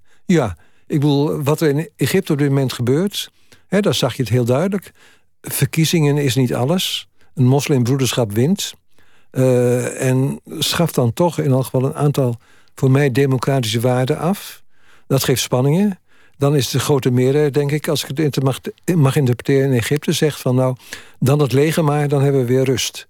Maar dat betekent inderdaad dat er van bovenaf... inderdaad keihard wordt ingegrepen... En dat uh, in dit geval de moslimbroederschap... Uh, daarvoor vielen natuurlijk ook wel andere slachtoffers... tot de nodige slachtoffers kent. In, in de jaren 60 en 70 werd in bepaalde kringen gedacht dat uiteindelijk iedereen wel atheïst zou worden. En dat, dat ja. religies door de modernisering wel teruggedrongen zouden worden. En uiteindelijk zouden ze allemaal wel tot de conclusie komen dat, dat, dat, het, dat je zonder kon. Dat is absoluut niet gebeurd in de wereld. Nee. Integendeel. Ik weet ook dat ik dat een soort van zelfsprekend proces vond. Althans in mijn hoofd, zo, zo gaat het. Zo zag ik het hier in Nederland gaan. Dus uh, ik dacht, ja, anderen lopen misschien wat achter. En Komt nee, vanzelf wel. Komt vanzelf wel, maar dat, dat gebeurt dus helemaal niet. Het is echt heel verrassend. Uh, die terugkeer van de religie. Uh, volgens mij was er gisteren een grote discussie in Felix Meritus. Hè, zeg maar het oude bastion van de communistische partij... en toch van de vrijdenkers. En daar ging het nu over het bestaan van God. Met mensen die voor en tegen waren. Nou, dat was 10, 15 jaar geleden onvoorstelbaar. Maar het laat zien hoe religie als thema terugkomt. En hoe mensen daar ook weer naar op zoek zijn. Maar er zijn er wel verschillen. Um, bijvoorbeeld in Amerika zie je religie uh, vergeleken met Europa heel duidelijk uh, terugkomen en belangrijk blijven. Uh, maar het zijn veel meer dan in het verleden individuele keuzes die mensen maken. Men switcht van de ene kerk naar de andere. Men heeft zijn eigen vorm van spiritualiteit. En die oude religie van vroeger, waar fundamentalisten op willen terugvallen, was een soort blok wat de hele samenleving bepaalde. En dat geldt niet meer voor al die religies die mensen persoonlijk zoeken enzovoort, denk ik. Nou ja, in sommige delen van de wereld dus, dus In sommige delen wel. Nee, nee, daar vallen ze op dat denken terug van een samenleving die helemaal vanuit de religie wordt bepaald. Geen rechtspraak, moderne rechtspraak. Maar de sharia dus vanuit de moslims dus. Daar valt men op terug. Maar de terugkeer ook naar de religie in Nederland... die vindt volgens mij plaats. Anders had er nooit zo'n discussie kunnen plaatsvinden gisteren. Uh, is veel meer het zoeken van mensen naar een persoonlijke zingeving... En vroeger was die zingeving collectief. Je was gewoon onderdeel van een kerk. Albert Camus schreef er al over dat uh, waarom is het eigenlijk niet zo dat mensen als er geen God is en dus ook geen moraal, als, als, als die moraal geen anker heeft ergens in een hiernamaals, waarom vervallen we dan niet in, in grof geweld? Waarom hebben we dan toch een moraal? En dat is, dat is vaak ook iets wat gelovigen zeggen van ja, die atheïsten die zijn niet te vertrouwen, want die hebben geen hiernamaals, dus die kunnen zomaar aan het moorden slagen, ja. slaan. Wat was het ook alweer, geloof ik? Dostoevsky, als God uh, niet bestaat, is alles geoorloofd. Ja, dat is dus het, eh, de angst. Maar dan hebben we gelukkig uh, onze beroemde landgenoot Frans de Waal... die netjes bij chimpansees en bonobo's... zeg maar onze neefjes uit het dierenrijk... volgens mij heel terecht ontdekt... dat daar een aantal sociale normen al aanwezig zijn... waar je als mens op kunt bouwen. Die zitten er gewoon in. die hoef je dus niet van God te krijgen het laatste boek van Frans de Waal. De Bonobo en de Tien Geboden. Uh, de Bonobo heeft zijn eigen tien geboden. Daar kunnen we op voortbouwen. Wij hebben dus de tien geboden die uh, in de Bijbel gegeven worden... hebben we niet op die manier nodig. Die kunnen we al deels vanuit onze voorouders halen. En het zit diep in mensen om met anderen mee te voelen. Is ook eigen belang natuurlijk. Om, om niet iedereen in elkaar te slaan, want dat verlies je uiteindelijk. Uh, het is ook zeker daarna, na de eerste empathie die kennelijk chimpansees ook voelen voor soortgenoten... is het ook eigen belang in een groep... Uh, om het zo geregeld te hebben dat je elkaar niet uh, de groep uitvecht... of dat de groep uitsterft in een gevecht. Tot je een andere groep tegenkomt, dan, dan, dan ja. zijn er ook nog de atheïsten... die zijn altijd bang voor de gelovigen. Want, want als er iets groter is dan het leven, een, een autoriteit... dan is dat ook een potentiële reden om voor te sterven. En dat maakt mensen bereid om meer geweld te gebruiken. Ja, dat is een van de ontwikkelingen uh, die ik verbind met de opkomst van het monotheïsme. Het geloof dus in één God. Niet in meer goden uh, die allemaal een stukje van uh, het leven beheersen. Maar één God die ook zegt hoe het allemaal moet. het monotheïsme kent heel gewelddadige ontwikkelingen. Dat geldt zowel voor het christendom als de islam natuurlijk. Hè? De grote monotheïstische godsdiensten. want als, je, als er maar één God is... en als je via die God gered kunt worden nou, dan mag je heel veel geweld gebruiken om mensen toch maar te redden voor die God. En dan krijg je de kruistochten en het God wil het enzovoort. En ik denk dus dat het een verdraaiing is van uh, de oorspronkelijke waarheid. Dat er een absolute hoge God is. Want die kun je niet voor jezelf halen. God wil het is een kreet waarvan ik denk... dan haal je iets van, van boven naar beneden voor je eigen zaakjes. Dat gebeurt natuurlijk eindeloos. Maar je kunt het ook Jodendom en christendom als een kritiek zien. een kritiek op dus inderdaad van mensen die denken... dit is een absolute waarde, hier ga ik iemand anders de kop voor inslaan. Dat, dat is niet aan jou om dat te bepalen wat die absolute ja, waarde dat, is? Ja, dat vind ik een van de belangrijke boodschappen nu ik ermee bezig ben. En weer terugblik. Ik uh, heb mijn kinderen, tot mijn schande moet ik zeggen... toen ik verhuisde op een gegeven moment... al mijn filosofische boeken naar de slechte... die toen open was natuurlijk, laten brengen... Ik zou ze dan graag weer opnieuw willen hebben, maar ze maar ik ben, ik ben me weer in aan het verdiepen. En dan, dan zie ik dus inderdaad uh, de lijn vanuit Jodendom en Christendom ook. Van een soort kritiek. Er is een God die hoog is, maar die je nooit voor je eigen doeleinden kunt gebruiken. Je kunt je niet, hem niet voor je kaartje spannen. Je kunt, dat is het verhaal van het gouden kalf... je kunt niet een, hem tastbaar zichtbaar maken. Hij is daar ver verheven. En dat geeft een soort vrijheid. Je moet dus niet gaan roepen van uh, absolute waarde voor ons... want dat is heel gevaarlijk. Dat is gewelddadig. We hadden het erover de, de rol van de, de filosoof in de samenleving. Uh, dit boek is nog lang niet af. Het, het is nu een, een, eh, een college-reeks en dat, dat gaat nog een, een, boek worden. Heeft dat ook in die zin een, een waarde voor de tijdgeest? Uh, komt u nu met dit verhaal om, om te zeggen: jongens, hecht aan die instanties, hecht aan instituties? Ja, ja nee, het is tot mijn stomme verbazing. wanneer ik de krant lees. Ik heb ook pas ontzettend veel materiaal weggegooid toen ik Denken des Vaders was. Moest ik heel veel bijhouden. Nou, weg ermee, denk ik, nu. Maar als ik nu de krant lees, eigenlijk uh, één of twee grote berichten... denk ik steeds van, hé, hey, dat heeft met onze vraagstelling te maken. En de botsing, uh, wereld, botsingen wereldwijd. Uh, maar ook inderdaad van het belang van een rechtspraak die onafhankelijk is. Die ook af en toe in Nederland bij bepaalde uitspraken dus bedreigd wordt. De discussie nou over Volkert van de G vind ik dat de Tweede Kamer dat goed heeft gedaan. Niet met de PVV's meegaan. Dat moet je aan rechters overlaten, die vrijlating. Daar moet de politiek zich niet mee bemoeien. Toch, toch is het ook, ook moeilijk om dat te doen. Omdat um, uiteindelijk rechtspraak niet altijd rechtsgevoel oplevert. Iemand is dood, in dit geval Pim Fortuyn. Die is dood, die zal altijd dood zijn. Die zal nooit meer terugkomen. En de dader loopt vrij rond en, en kan doen wat hij wil... omdat hij zijn straf heeft uitgezeten. Dat blijft toch onrechtvaardig aanvoelen, omdat het niet een soort gelijkheid biedt. Nee, maar wat voor gelijkheid uh, wilt u dan hebben? Uh, nee, ik, ik zeg niet dat ik het... ik zeg tand om tand, dat is gelijkheid. Nee, dat, is de, dat, is de, oude traditionele gelijkheid. Nee, maar ik, ik zeg niet dat ik, dat ik het anders wil... of dat ik daarmee voor uh, de doodstraf of geestel of wat dan ook ben. Alsjeblieft niet. Maar ik, ik snap wel waarom het voor mensen frustrerend is... als snap, iemand bent verloren. Het, ik snap het ook. maar ik denk dat dat erbij hoort... bij moderne mensen die moeten soms de pijn van dit soort dingen kunnen verdragen. Want dat hebben we met elkaar afgesproken.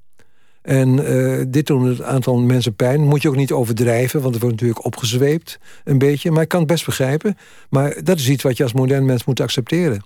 Ook als ik naar de rechter ga met een bepaalde zaak... heb ik kans dat ik verlies. Dan voel ik me ook uh, vreselijk. En dan denk ik van, ja, maar ik had toch eigenlijk gelijk.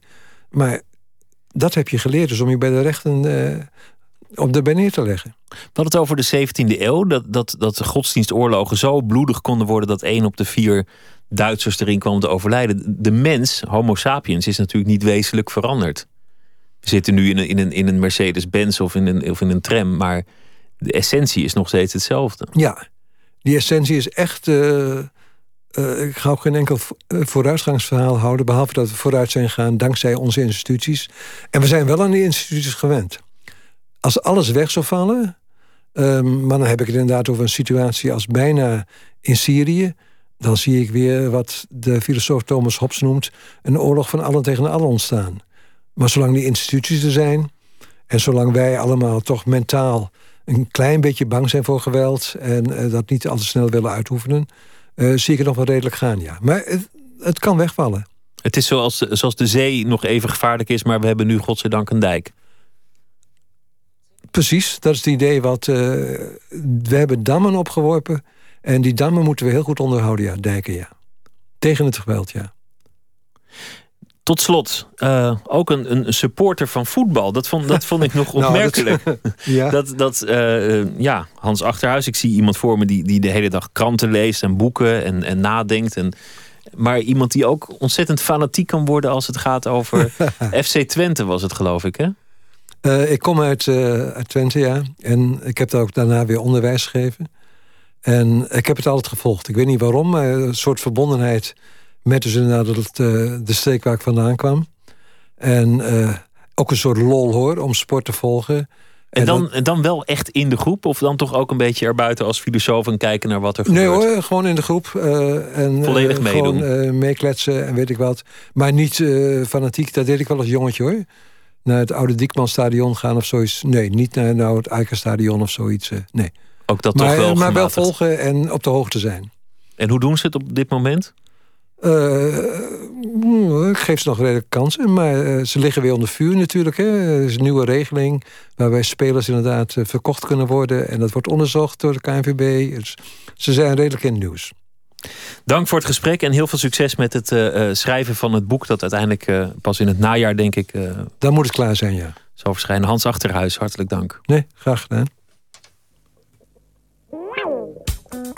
Hi.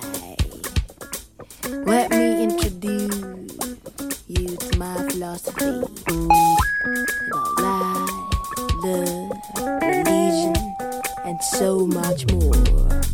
Give it to me now. Give it to me now. Yeah, yeah, yeah, yeah,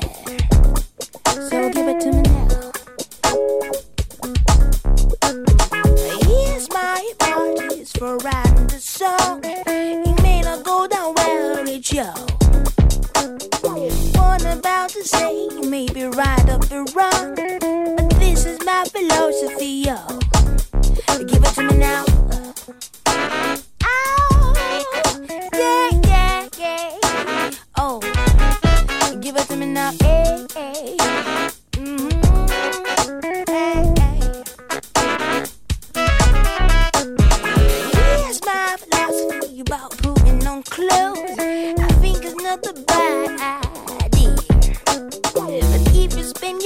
you spend wearing pantyhose, you lost a couple screws up here. Give it to me now. I like this music, music. I like the feeling. And I say, I like this music, music. I like the feeling. Now here's my philosophy about going to church. I it's a good thing to do. But what's the hallelujah? What you beating your wife and all the all the things you do. Give it to me now, yeah. Ow, yeah, yeah, yeah, yeah, yeah. No, give it to me now, yeah. Whoa, yeah, yeah.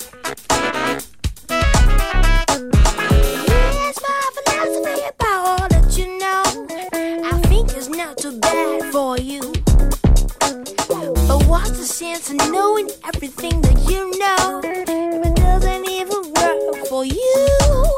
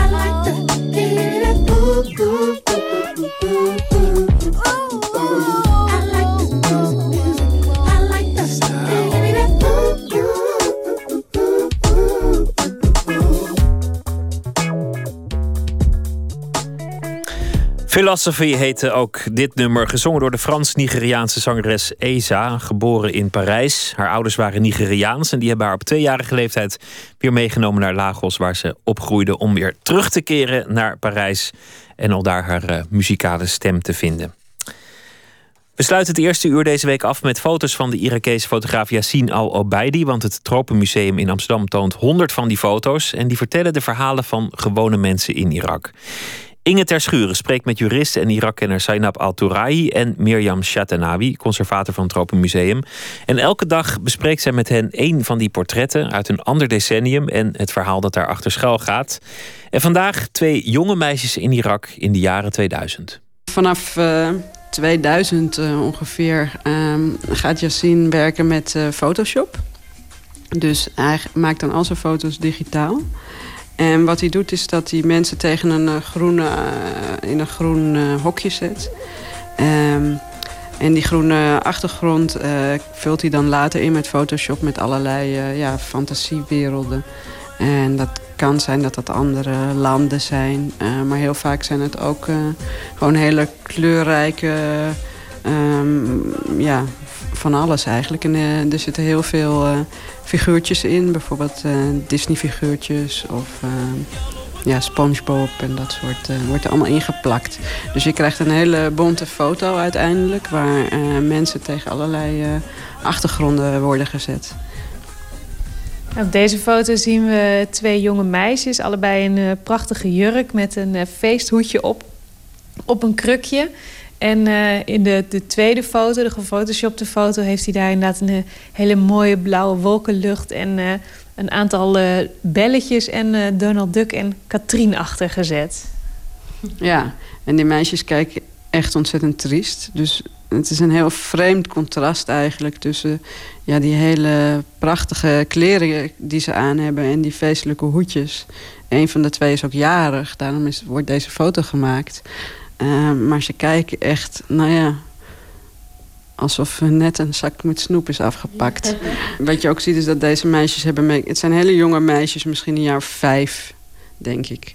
Maar ze hebben wel make-up op. En dat is op heel veel van die foto's... dat die meisjes uh, flink onder de make-up zitten. Uh, lippenstift, ogenschaduw, andere dingen. Ehm, je hebt wel van die Amerikaanse pageants, weet je wel... maar die jonge meisjes ook zo worden aangekleed. Dus op deze foto's ook een beetje. Uh, sommige meisjes die, die, zitten echt, die zien er echt uit als volwassen vrouwen... terwijl ze nog maar vijf of zes zijn.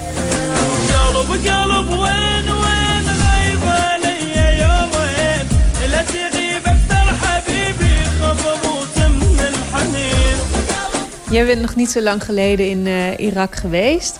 Um, waarvoor was je daar? ik was daar voor werk. ik was daar ja, ik was daar voor werk. En het was heel bijzonder om daar te zijn.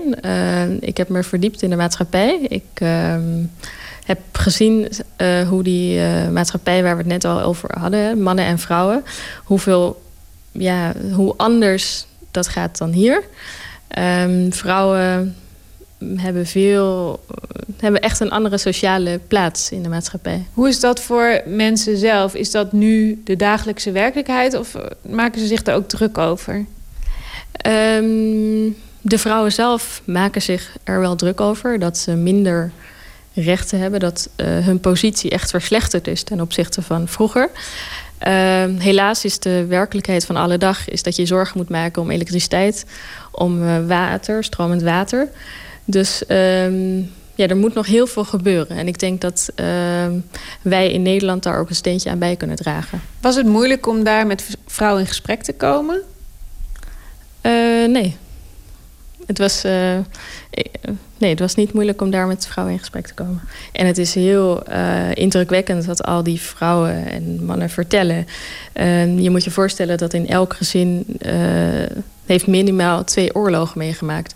En dat gaat toch wel doorwerken in je gezin en ook daarbuiten. Hoe ging jij daar over straat? Ging jij ook uh, aangepast, uh, gesluierd over straat? Ik heb me heel goed aangepast aan de normen die daar op straat heersen. En, uh, maar toch viel ik wel op vanwege mijn ja, toch net iets andere huidskleur, net iets andere manier van doen, praten met mijn handen, hè, dat soort zaken. Andere schoenen, uh, uh, oh ja, even kijken wat je aan hebt. Ja, gewoon, uh, gewoon hele Hollandse laarsjes. wat was daar zo anders aan? Nee, de meeste vrouwen hebben daar slippers aan. als ze over straat gaan op een normale dag. En mijn schoenen waren dan toch net iets anders. Van een ander soort leer of zo. En dat viel ze toch wel op. En dat moeten ze altijd even zeggen. Van, waar, waar kom je vandaan? Want je schoenen zijn zo anders. Vind jij het dan ook extra mooi om die foto's hier in het Tropenmuseum allemaal te zien? Uh, nou ja, omdat je daar zoveel ellendige verhalen hoort dat je denkt... hé, hey, nu zie ik ook eens gewoon mensen op hun vreugdemomenten. Ja, ik denk dat het wel. Uh, wat het mooie is aan deze tentoonstelling is dat het uh, mensen in Nederland kan laten zien dat Irakezen zijn ook gewoon mensen. En dat er niet alleen maar oorlog is en dat, er, dat het leven van alle dag ook doorgaat.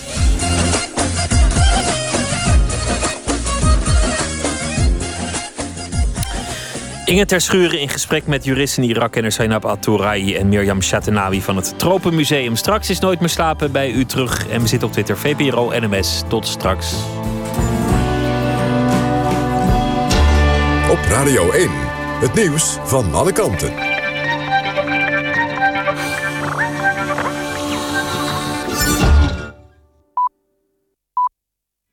1 uur, Marjan Koekoek met het NOS-journaal. Een aantal grote pensioenfondsen komt met voorzichtig positieve berichten. De pensioenen in de metaal gaan niet omlaag... hoewel twee pensioenfondsen eind december niet de vereiste dekkingsgraad hadden. De fondsen PMT en PME hadden wel voor een korting gewaarschuwd... maar zeggen nu dat er meer tijd nodig is om met een goed besluit te komen. Pensioenfonds Zorg en Welzijn gaat de pensioenen verhogen met bijna 1 procent. Een gepensioneerde verpleegkundige gaat er daardoor dit jaar gemiddeld 60 euro bruto op vooruit. Het pensioenfonds voor de bouw staat er ook goed voor, maar wil liever eerst meer reserve opbouwen. Ambtenarenpensioenfonds ABP doet het ook beter en heeft besloten om de korting van een half procent van vorig jaar nu weer ongedaan te maken. Tegen de enige nog levende dader van de aanslag bij de marathon van Boston is de doodstraf geëist. Dat is uitzonderlijk. De zaak wordt behandeld door een federale rechter en die eist zelden de doodstraf, zeker niet in een staat waar de doodstraf is afgeschaft. Massachusetts voert sinds 1947 geen executies meer uit. Uit een peiling blijkt dat de meerderheid van de inwoners van de staat levenslang voor Djokhar Tsarnaev voldoende vinden. Tsarnaev liet met zijn broer bommen ontploffen bij de finish van de marathon. Drie mensen kwamen om, 260 raakten gewond. De broer kwam om bij een klopjacht. In Oostenrijk is de alternatieve Elfstedentocht... die voor de komende dag op het programma stond, afgelast. De weersomstandigheden zijn te slecht, het sneeuwt te hard. De voorspellingen voor zaterdag en zondag zijn nog slechter. Daarom was de tocht al naar voren gehaald. Het evenement op de Weissensee is bij gebrek aan een echte Elfstedentocht... voor zo'n 6500 schaatsliefhebbers een jaarlijks hoogtepunt. Het is voor het eerst sinds 2007 dat de alternatieve Elfstedentocht in Oostenrijk niet doorgaat.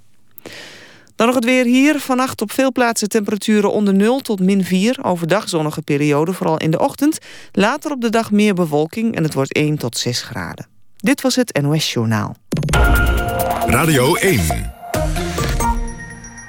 VPRO. Nooit meer slapen.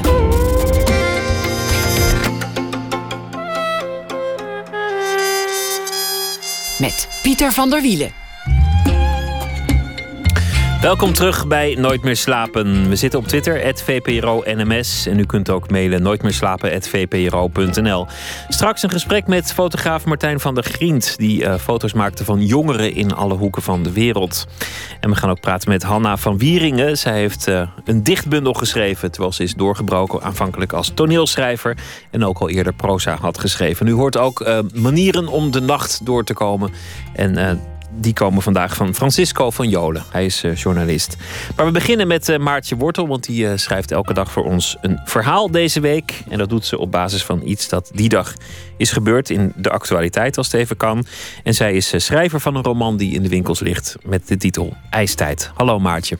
Hoi Pieter, goeienacht. Ja.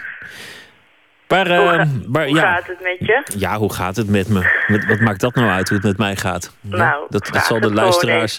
Ja, het is aardig dat je het vraagt, maar dat zal de luisteraars toch aan, aan hun, aan hun uh, reet hoe het met mij gaat. De, de, nou ja, dan kan je zeggen, goed, dat is hetzelfde. Ja, is eigenlijk ook gewoon waar. Dus uh, dan hebben we er alweer veel te veel woorden aan uh, besteed. Wat, wat heeft jou vandaag bezig gehouden in, in de wereld? nou ja, ik heb het, ik heb het nieuws goed gevolgd weer. met Wekers en Nox en zo. Maar ik heb toch weer voor een klein een, een lullig klein berichtje uit de Volkskrant uh, gekozen. Uh, dat, uh, dat de dorpen in Bulgarije zijn door sneeuw afgesloten. want in Bulgarije, er staat Bulgarije is in de greep van een strenge winter. er zijn ook personen om het leven gekomen, wat, wat minder fijn is. En er zijn allemaal dorpen afgesloten door, de, door de vele... Ja, door het sneeuwval. Ja, oh, Eh, dat, dat- ja, dat spreekt tot de verbeelding. Ja, precies. Ik, ja, en eh, eh, het is de dag van de poëzie. Ja, nu niet meer natuurlijk, maar het was dan gisteren de dag van de poëzie. En ik vond het wel een poëtisch, poëtisch beeld. Dus dat heeft me geïnspireerd. Zou ik het gewoon voor gaan lezen? Ja, laten we dat doen. Sing-along heet het. Op mijn lijst met wensen voor het nieuwe jaar stond 1. Insneeuwen 2. Rondvliegen en omdat je niet altijd alleen maar dingen hoeft te wensen die nooit uit zullen komen 3. Een karaoke set. Op 2 januari kocht ik via een webshop 3. De karaoke set. Meer voor mijn vriend dan voor mijzelf. Ik heb hem nog nooit zo gelukkig gezien. Hij maakt tijdens het zingen zelfs dansjes door de kamer en soms knipoogt hij naar me als een popster. Ik zie de overburen naar ons kijken, ik heb naar ze gezwaaid, zodat ze weten dat ik hen ook zie. Nu wenste ik dat ik andere dingen had gewenst, want in januari zijn al twee derde van mijn wensen uitgekomen. 1. Begon zacht. De sneeuw viel en behalve de oudste mensen die de sneeuw haten om zijn verpletterende witheid, een onschuld waar ze niet aan willen worden herinnerd, was iedereen blij om niet te zeggen uitzinnig. Voor ons heeft het niets te maken met een weersomstandigheid. We geloven dat we, als de straten eenmaal wit zijn geweest, een nieuwe kans krijgen, een beter leven. De geschiedenis wordt onder een dikke laag bedekt en smelt weg langs de goten in onze straten, diep de put in, om terug de aarde in te verdwijnen. We komen samen in het café op het plein waar we eten en drinken tot we vergeten wie we zijn. We kunnen op huis aan als een ander. Maar de sneeuw blijft vallen en vallen. Wie niet thuis is, komt met moeite naar binnen. Wie thuis zit, komt niet meer buiten. Vanuit het raam lijkt de straat net een testbeeld. De elektriciteit is uitgevallen, de karaoke set onbruikbaar. We zijn één, ingesneeuwd. We kunnen geen kant op. Ik sluit mijn ogen en hoor mijn vriend neurien en ik denk alleen maar aan twee, rondvliegen. Ja, het is, het is, eh, het is mooi. Ja, di- ja, wonderlijk natuurlijk insneeuwen. Gebeurde Ja. in, in de jaren zestig ook nog in, in, in Friesland, waren ook hele dorpen ingesneeuwd. Ja, mijn vader heeft ook allemaal eh, woeste verhalen over. En daar ben ik eigenlijk altijd vrij jaloers op. Terwijl als het gebeurt is het, is het helemaal niet leuk. Maar het lijkt me heel mooi. Het, lijkt me, het is zo'n mooi idee, toch? Dat de sneeuw zes meter hoog ligt en je nergens naartoe kan. En aan je huis Hangt een beetje van, hangt van de situatie af. Als je net, net verliefd bent en je zit nog in die hele leuke fase, zeg ik ja, en je woont op drie hoog. Ja, doen. Maar in, er zijn ook situaties, een familieweekend en je raakt ingesneeuwd. Dan zou ik zeggen, goh, waarom heb ik dat nou weer? Maar dan zou ik hopen dat ik een camera bij me had en dan maak ik een briljante film. Het lijkt me wel echt mooi. Hoe dan ook, ook zelfs met die familie. Maar ik vind, ik vind het wel grappig dat, dat ehm, weersomstandigheden horen er gewoon bij. Daar, daar kan je moeilijk over doen of romantisch over doen. Maar dat de, de laatste jaren, we hebben dit jaar, Allah zij geloofd en geprezen, niet zo'n strenge winter. Ik hou er helemaal niet van. Maar dat, dat de jaren dat het zo was, dat, dat iedereen er naar mijn idee veel hysterischer over deed dan vroeger. Of misschien ben ik er meer op gaan letten hoor, dat Op kan een ook. negatieve manier hysterisch bedoel je? Of... Nou ja, dat dat, er iets groots ontwricht dreigt te raken door de noodtoestand winter. Terwijl winter is niet een noodtoestand, het is gewoon een seizoen. Ja, maar je hebt ook altijd die code, code oranje en code rood. Het wordt ook maar om ja, verklapt. Volgens mij was het vorige week zondag nog. Een of andere waren er waarschuwingen. En toen was ik in Groningen en daar had het inderdaad gesneeuwd. Maar het was, het was bijna zielig voor die sneeuw hoe het erbij lag. Dus het is ook inderdaad heel, heel vlug. Maar wat ik wel mooi vind is nu ook... eh, dat was net ook even op het nieuws eh, over de Elfstedentocht dan... dat we een alternatieve Elfstedentocht gaan schaatsen. Dat ik wel mooi vind dat verlangen naar een Elfstedentocht... of dat het toch, heel, dat het toch een strenge winter wordt. Daar, da- dat deel ik wel. Jij niet? Nee, helemaal niet. Winter is gewoon iets terugkerends dat overwonnen dient te worden. En daar staat zomer Ja. tegenover. En dat is iets wat nooit voorbij mag gaan. Dus jij moet er even doorheen. Ja, elk jaar weer. Ik, ik, ik heb er dan persoonlijk niet zoveel mee. Maar Oké. goed, Maar, nou, eh, nou ja. succes. Maar dat eh, zal de luisteraar, zoals ik net al onderstreepte, gelukkig aan zijn, eh, aan zijn reet roesten. Ja. Hoe ik over de winter denk. Nou, dankjewel Maartje Wortel. Tot eh, morgen. Morgen weer een verhaal. Ik wens je alvast heel veel succes. ik Ja, hoop dat er, eh, dat er mooie kleine berichten in de krant zullen staan. Die jou zullen inspireren.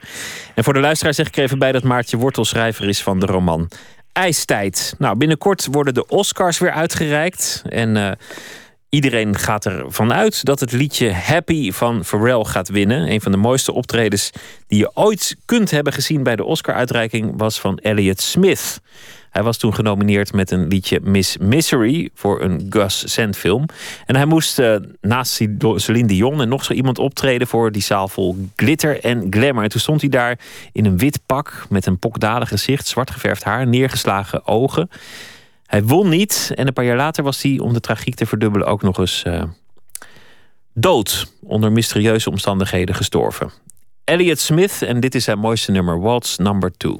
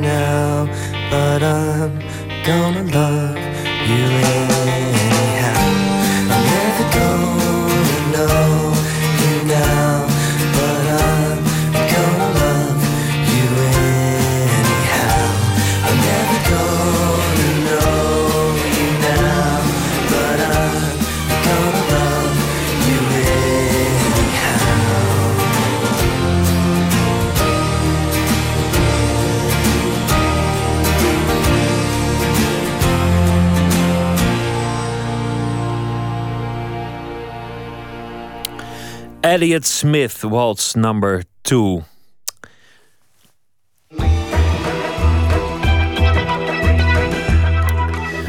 De VPRO Nooit meer slapen luistert u naar. Hanna van Wieringen kan maar moeilijk stilzitten. Ze brak eerst door als toneelschrijver en schreef in 2010 voor theatergroep Oostpol het stuk Er moet licht zijn. Twee jaar later debuteerde ze met een verhalenroman, De Kermis van Graven Zuid. En nu is haar eerste dichtbundel uit. Hier kijken we naar. Maarten Westerveen sprak met Hanna van Wieringen af in Theater Frascati en samen openden ze het gordijn naar het toneel.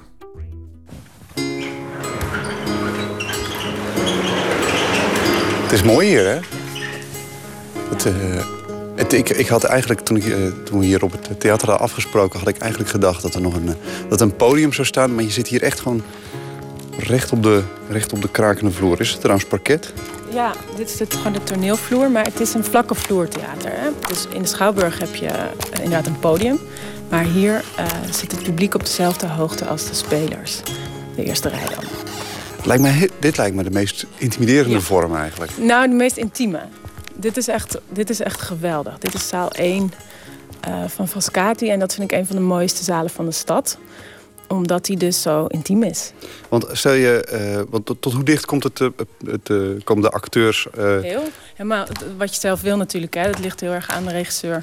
En, en welk stuk je speelt. Er zijn ook stukken die hier tegen de achterwand gesitueerd zijn. Maar ik zou mijn werk altijd graag dicht op de zaal willen.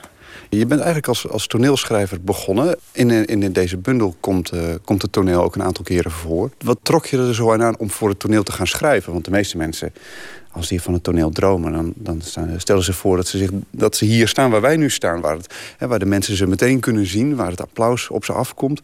Maar jij keek naar dit toneel en dacht... goh, daar zou ik wel iets voor willen doen. Ja, nou ging het niet helemaal zo natuurlijk. Maar het is wel zo ehm, dat het geweldig is om eh meerstemmigheid aan de hand te hebben. Dus je kunt in een, in een koor heb je natuurlijk letterlijk meer, meerstemmigheid. In een roman kan dat ook zo zijn.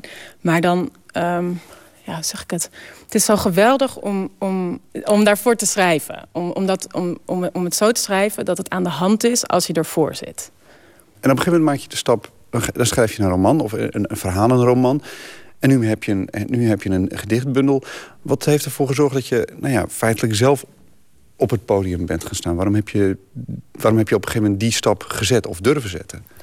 Nou, ik schreef. Ik ben begonnen met gedichten schrijven toen ik heel jong was. Dus de poëzie is eigenlijk mijn eerste liefde geweest altijd. En eh, ja, dat stuurde mij uiteindelijk. Dus dat is taal die mag klinken. Hè? Poëzie is de taal die mag klinken. En dat is toneel ook. En zo kwam ik eigenlijk bij toneel terecht. Ehm, en bleef al die tijd poëzie schrijven, maar nooit naar. ehm, nooit met een krulletje erachter. en zo langzaam ontwikkelde zich dat. En doordat ik het toneel schreef en doordat ik ook proza ging proberen, werden die gedichten ook scherper en sterker. En daarom ben ik nu zover dat ik denk, laat ik die nou eens zelf ten gehore brengen. Ja, wat, wat is precies dan dat, het nu, dat, je nu, nou ja, dat je dus nu zeker genoeg voelt... dat, dat, eh, dat die gedichten dan tevoorschijn mogen komen? Dat vind ik erg moeilijk te zeggen. Ehm, nee, dat is wel haast onmogelijk. Ik vind ze nu gewoon goed. Mag je dat zeggen? Ja, ik vind ze nu beter. Wat het, waar het ook mee te maken heeft, is je hebt eigenlijk twee eh, ikken op het moment dat je iets gaat voordragen dat je zelf hebt geschreven. De ik die schrijft en de ik die voordraagt. Heel lang mocht de ik die schrijft, terwijl ik aan het voordragen was, nog eh, bestaan. Terwijl, dat moet je natuurlijk niet doen. Als je het gaat voordragen, dan eh, is de ik die schrijft is klaar. Dus dan is het af. Dan ga je niet nog, oh dat moet anders, dat kan nog, dat scherper, dat moet beter. En die ik, die is nu, uh, ja, die houdt zich stil. Dus dan kan ik voordragen. Nou, dat gezegd hebbende, uh, zeg, uh, we hebben gedichten hier liggen. Ja, ik dacht, dan kies ik iets uh, wat gaat over het toneel. Zal ik dan wel even op het toneel gaan staan? Dat lijkt me dan wel zo netjes. Oké, okay, het heet toneel. Het eerste licht komt op, schijnt zacht op de fles ketel 1 en twee dunne glaasjes gevonden op de stenen tafel onder de appelboom. Daar, de dofgroene torens van doorgeschoten andijvie deinen in de wind. Een schep leunt onschuldig tegen de schuur, geen zwarte afgrond in de aardkorst, in geen zicht. Randy Newman uit een transistorradio, een vluchtganzen die ruisend overklappert. Daar. Zijn ondoorzichtige aanwezigheid nadert. Vanuit de heilige horizon, toch zeker dichterbij, de waksgeur van zijn jachtjas. Brandende camel zonder filter uit een softpack. Inktvlek op zijn index. Dichterbij. Ieder moment nu, verwacht ik, kan hij opkomen. Ieder moment nu kan zijn hand op mijn blote schouder neerdalen, steunzoekend omdat hij ook ouder is geworden. En omdat dit toneel is, is deze verwachting zelfvervullend. En omdat dit toneel is, huil ik niet. Ik repeteer geduldig mijn omhelzing in deze dunne buitenlucht. Moet het ergens voor jou aan voldoen eigenlijk? Is er iets waarvan je, waar, waar je het eigenlijk aan toetst? Je zegt nou, ik weet het. Maar wat is Nou, dat weten? Ik, dat, die vraag werd me eerder gesteld. Hè? En toen ging ik daar pas eigenlijk over nadenken. Want het gaat gewoon vanzelf. Dat zijn processen, die gaan vanzelf. Maar als je er dan toch iets over moet zeggen... dan zou je kunnen zeggen... ik weet dat iets gelukt is in een gedicht... als ik iets uit de binnenwereld heb, op een goede manier heb verbonden... of heb weten te hangen aan iets uit de, aan de buitenwereld. Want op die manier kan jij erin. Snap je? Jij kan niet in de binnenwereld zo. Maar via iets, als ik het hang aan iets daarbuiten, dan kan er iemand anders dat gedicht inkomen. En ik schrijf gedichten voor anderen. Ja, dus dan is het gelukt eigenlijk als iemand anders erin kan.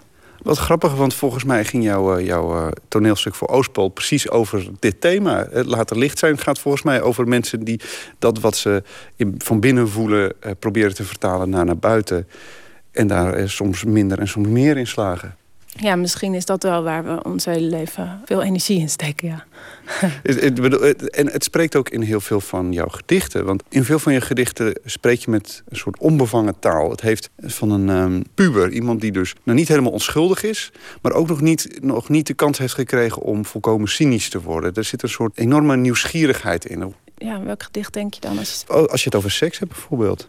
Ja, maar worden we ooit ouder dan... worden we ooit iets anders dan een puber? Is, zit er niet altijd in, ons, in onze driften dat, hè, dat, dat kind dat half volwassen is... dat geloof ik wel, dat dat een, een sterke kracht is in ons allemaal. Dat volwassenen daar allemaal manieren voor vinden om die eronder te houden. En dat dat kind eigenlijk best wel graag eh, naar buiten wil... of wil schreeuwen of wil rondrennen. Wat grappig, want nou, dan, dan geloof ik dat je uiteindelijk ja zegt op mijn, mijn, eh, op mijn observatie. Eh, maar wat maakte toch dat in eerste instantie daar vooral nee op moest worden gezegd? Omdat het dan toch... Dat het... Nou, ik vind dat soort dingen heel. ehm, ik vind het altijd moeilijk om één element eruit te lichten. Want als je. Het woord alles komt vaak voor in de bundel. Het is een veelheid. Het, is een, het, is een, eh, het zijn heel veel verschillende dingen tegelijk. En als je er dan zo één iets uitlicht, dan, dan vind ik dat bijna kwetsend voor alle andere elementen eh, die voor mij belangrijk zijn. Ehm, hè, dat, dat is toch ook als een vriend zou tegen je zegt: Jij bent altijd zo. En dan één ding benoemt. Dat is vreselijk, want we zijn heel veel dingen. Eh, dus dat, eh, vandaar dat ik eigenlijk altijd nee zeg op dat soort observaties. Zie jij een rode lijn door die verschillende media waarin je dus nu, nu werkt? Nou, ze staan, ze het zijn allemaal middelen eh, voor hetzelfde doel. Hè, dus de rode lijn is dat het allemaal manieren zijn om, om dichter bij dat onbegrijpelijke geheim te komen. Het geheim dat we in leven zijn. En dat is denk ik wel een rode lijn. Verandert er veel voor jou als jij dan wel een boek, dan wel een gedicht dan wat een toneelstuk schrijft? Ik bedoel, ben jij een andere persoon in die verschillende functies? Jawel, zeker. Maar dat zijn hele saaie technische dingen. maar misschien is bijvoorbeeld bij toneel... dan vind ik het altijd heel belangrijk dat de taal die gesproken wordt... in het hier en nu uh, acuut aan de hand is. Zoals, dat noem ik dan, acuut aan de hand. uh, want het is, ik vind het nogal aan, aanstrengend om te luisteren naar een toneeltekst... die heel veel verhandelt over dingen die al gebeurd zijn. Dus dan is het prettig om het aan de hand te maken. Um, ja, dat, dat eigenlijk over toneel. Bij proza heb je daar heel andere uh, geheime regels voor. Er wordt heel veel in de we-vorm gesproken. Je spreekt heel veel in een, in een soort meervoud. Waar komt die vandaan? Mm. Ja, ik hou wel van meerstemmigheid. Um, waar komt die vandaan? Wie is die we? Ja, dat zijn, dat zijn wij. Dat zijn, ik hoop uh, dat dat de mensen zijn die nu denken en nu leven. Um, maar ik, ik denk niet dat die gedichten pretenderen te spreken voor, voor uh, ons allen. Ik denk wel dat in elk apart gedicht waar de we-vorm gehanteerd wordt... vrij duidelijk is waarom die daar uh, gehanteerd wordt. Dat is een heel handig antwoord waar een luisteraar die je bundel nog ik niet heeft gelezen... Nu zal ik er één voorlezen ja. waarin dat gebeurt. Even zien. Dat is dan best een lang gedicht. dat goed? Ja hoor. Dat heet Wij Zeven. We hebben ons niet aflatend op het uitzicht afgeworpen, neergelaten, afgeschoten als jonge vossen, snaaks gebrand op alles openmaken, afvangen, verorberen. We hebben ons blootgesteld aan alle gemis. Lachend vliegtuigen in treinen door. We hebben titels behaald, huizen gebouwd, wanden gestuukt. We hebben ze weer afgebroken. Pijnzakken vol sjouwden we smalle trappenhuizen af. We hebben op verschillende manieren onze kinderen teruggebracht. Neongroen spuugden we gal toen we wegrenden van ons eigen geluid. Het geeft een heel andere, geeft een heel andere kracht aan een gedicht als je over wij spreekt. Hè? Dat is een. Uh, um, er komt een soort vaart in. Opeens dan zit je niet meer in het binnenste van één persoon, hè, hele particuliere dingen, maar opeens voel je dat je opeens ben je een onderdeel van het gedicht geworden. Wat heel raar is eigenlijk door die simpele... Hè, door die, gewoon die twee letters. Uh, in plaats van uh, IK is het opeens WE. En toch opeens gaat er een heel andere vaart in. Um, beetje als een kudde. Ja, een beetje. Een, een, een, een, nou ja, een, een dichtende kudde blijkbaar. uh, um, Ik ben wel graag een kudde. Ja? Ik denk het wel, ja. Is dat ook wel waarom we nu hier staan op het toneel? Misschien wel, ja. Onderdeel van een geheel zijn we toch toneel, poëzie en, uh, en de literatuur. Je hebt je er nu aan gewaagd. Ik, ik zou bijna zeggen, nou, voel je nu de noodzaak om ergens voor te gaan kiezen? Of is er een nieuwe vorm waar je je nog aan moet gaan wagen nu? Nou, ik ben natuurlijk wel een beetje aan het kijken. Er, is een, ligt een heel leuk plannetje voor een, een, een fotoboek, samen met de fotografen. Waarbij ik een, een, een soort verhalend gedicht schrijf en zij beeld levert. Daarvoor zijn we nu aan het nadenken wat, wat, wat dat zou kunnen zijn. Dat is misschien een nieuw genre. Um, maar ik doe graag al die dingen. En bijvoorbeeld ook een lied aan het kijken met een muzikant. Um, ja, Sam Proper, een leuke muzikant. Uh, of we niet eens iets zouden kunnen samen doen. Dus er zijn veel, liggen nog veel nieuwe plannen. Ja. Verveel jij je snel? Um, misschien is het antwoord ja. En doe ik daarom zoveel verschillende dingen. Maar ik verveel me daardoor dus nooit. uh, zou je willen afsluiten met nog één gedicht, alsjeblieft? Ja, vat het dan misschien goed samen. Over wat poëzie. De hele grote onmogelijkheid van het enorme volle alles die knappende ballon in je uitklappende go-go gadget borstkast... die de aardbol omvat, inclusief wereldzeeën... woestenijen van ver voor onze tijden, van ver voor de eerste kikkervis. Dat ontsnapte gas van oermaterie, dat neer te halen... met een mazig vlindernetje. Koddige schep uit de lucht, hop. En dan die opgeschepte, onmogelijke veelheid verbinden... aan het verbijsterend kleine niets. Laten we zeggen aan het sneeuwklokje in het aardewerken potje dat in een vensterbank licht staat te verzamelen als een pieta. Bedaard dat sneeuwklokje laten openklappen. Pop zegt het klokje, open de tijd. Adem uit, de stilte daarna. de afwezigheid van dat geluid.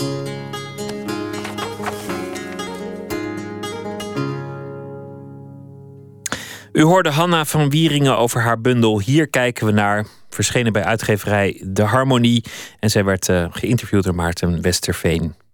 Bandjes komen en gaan. En dat is uh, over het algemeen uh, buitengewoon onbelangrijk. Omdat je ze na een paar jaar toch weer vergeten bent. Maar dan heel soms is er een bandje dat beklijft. Dat in het geheugen gegrift komt te staan. Een van die bandjes in Nederland was Daryl N. in de jaren negentig. Mensen hebben het er nog steeds over. En inmiddels is het dan ook tijd geworden voor een reunietour. Die is uh, nu gaande in de originele bezetting. Vanaf 2 februari spelen ze in Emmen, Leiden, Hoorn, Nijmegen... en vast nog wel veel meer plekken, misschien ook wel bij u in de buurt. Het nummer dat we draaien heet Surely Justice.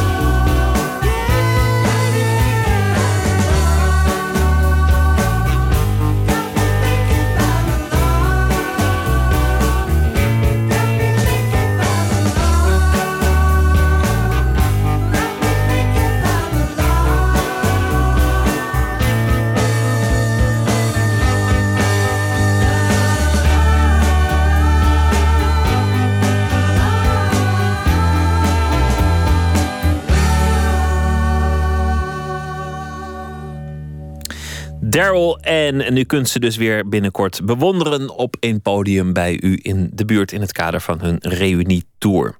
In de rubriek Door de Nacht vragen wij mensen wat hen in letterlijke of figuurlijke zin ooit door de donkere nacht heeft geholpen als de slaap niet wilde komen. En vanavond.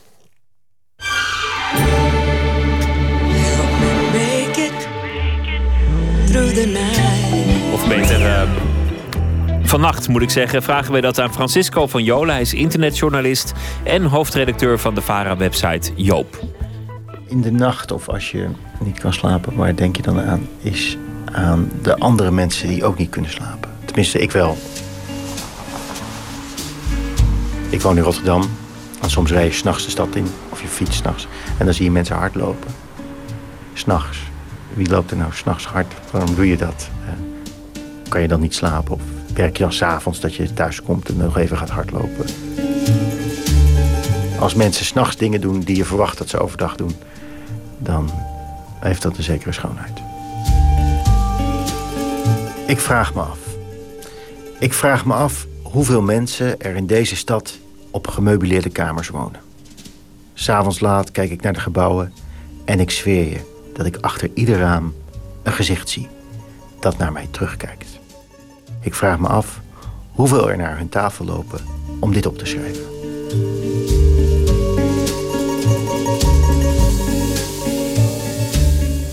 Dit is een uh, gedicht eigenlijk van twee van mijn uh, helden. Uh, ik heb ja, tenminste helden, mensen die ik zeer bewonder. Um, het is een gedicht van Leonard Cohen. Een vroeg gedicht, toen was hij nog niet zo beroemd als hij dat nu is. En het is vertaald in het Nederlands door Remco Kampert. Staat voor je raam, je kijkt uit over de stad. Zoals ik dat dan kan doen. En dan zie je in huizen altijd wel lichten branden. En je vraagt je dan, ik vraag me dan echt af, is daar nu iemand met dezelfde gedachten bezig. En uh, um, ja, dus dit, ik ken eigenlijk, ik heb nog nooit meegemaakt, ja, wel eens vaak, maar het is een gedicht wat precies verwoordt hoe ik me voel. En ik hou van ja, de keten van gedachten. Dus dan vraag je af, oké, gaat dat bij andere mensen dan net zo? Is het een beetje zoals biljarten van kets, kets, kets. En dan kom je allemaal op hetzelfde uit. Of juist niet. En natuurlijk is het antwoord nee. Maar de vraag is dan, waarom niet? En bij dit gedicht vraag ik me ook echt af. Is het wel echt nee? Want er zal vast wel iemand zijn voor wie het ja is. Stel dat je alle gedichten uit alle talen zou vertalen... dat je misschien dan een soortgelijk gedicht tegen. Ja, volgens mij gaat dat niet om optimisme of pessimisme. Uh, op dat uur van de dag zijn dat meestal begrippen zonder al te veel betekenis. Omdat dat eigenlijk. In de nacht gaat het heel erg over het. En je kan niet slapen. Dan gaat het heel erg over het nu. Toch? Van ik wil nu slapen. En dat is. Uh, ik weet niet of dat met optimisme of pessimisme te maken heeft. Ik vind dit mooi eigenlijk. Ik vind het wel een soort. Uh, wat het voor mij zegt. Is eigenlijk dat wij allemaal met elkaar verbonden zijn omdat wij mensen zijn met ons. En wij denken dat we onze unieke gedachten hebben. En die blijkt dan heel veel mensen te hebben. En tegelijkertijd is dat niet waar. Dus dat vind ik eigenlijk het mooie, dat dingen zo zijn en niet zo zijn. Dus iedereen zou dit gedicht hebben kunnen maken. En waarschijnlijk heeft er maar één het gedaan.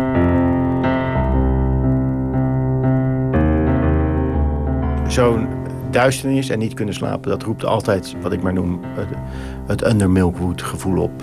Het hoorspel van Dylan Thomas, wat ook heel vaak als toneelstuk is opgevoerd. Uh, over een dorpje waar mensen liggen te slapen of in bed liggen te woenen. Hij beschrijft wat er in hun dromen en gedachten omgaat. Eigenlijk waar je naar verlangt op het moment dat je niet kan slapen. En je kijkt naar buiten en je denkt, wat doen al die mensen daar?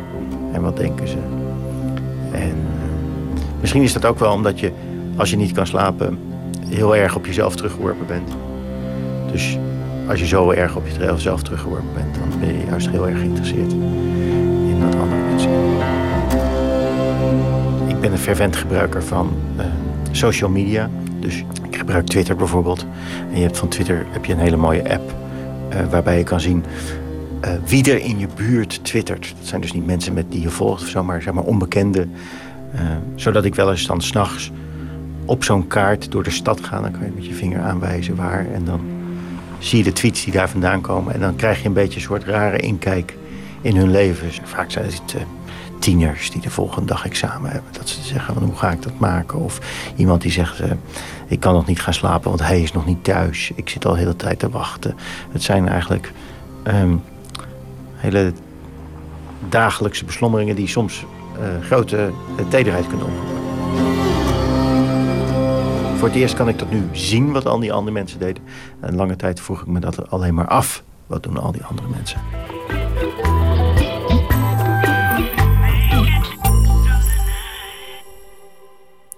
U hoorde Francisco van Jolen over wat hem eh, door de nacht heen helpt. En we gaan verder met de blues uit Mississippi. Willie Dixon schreef heel veel nummers die bekend zijn geworden door anderen. Zo'n beetje iedereen heeft uh, zijn nummers uitgevoerd. Maar zelf, dat zou je bijna vergeten, zong die ook. Onder andere met blueszangeres Coco Taylor. En dit nummer is uit 1968 en het is een duet over een man die op zoek gaat naar zijn vrouw in het gesticht. En ze klinkt niet meer zo ontzettend uh, coherent. Het nummer heet Insane Asylum.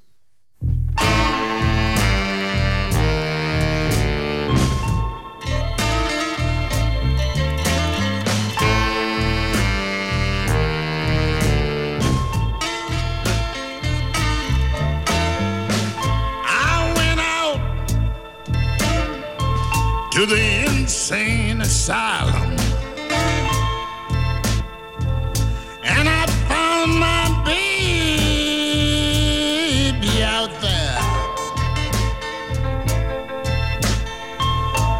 said, please come back to me, darling. What in the world are you doing here? Then the little girl raised up her head. Tears were streaming down from her eyes. Are the things that the little girl said.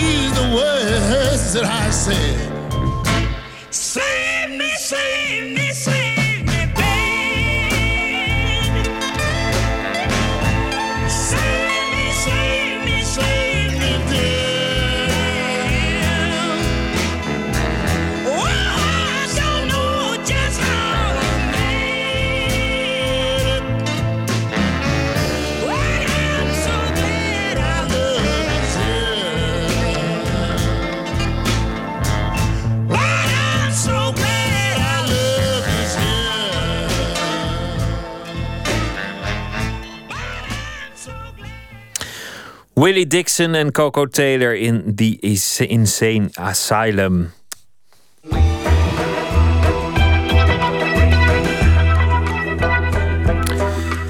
Martijn van der Griend fotografeert voor kranten en tijdschriften, vaak popsterren. Maar daarnaast is hij ook al twintig jaar bezig met een ander project: foto's van jongeren overal ter wereld.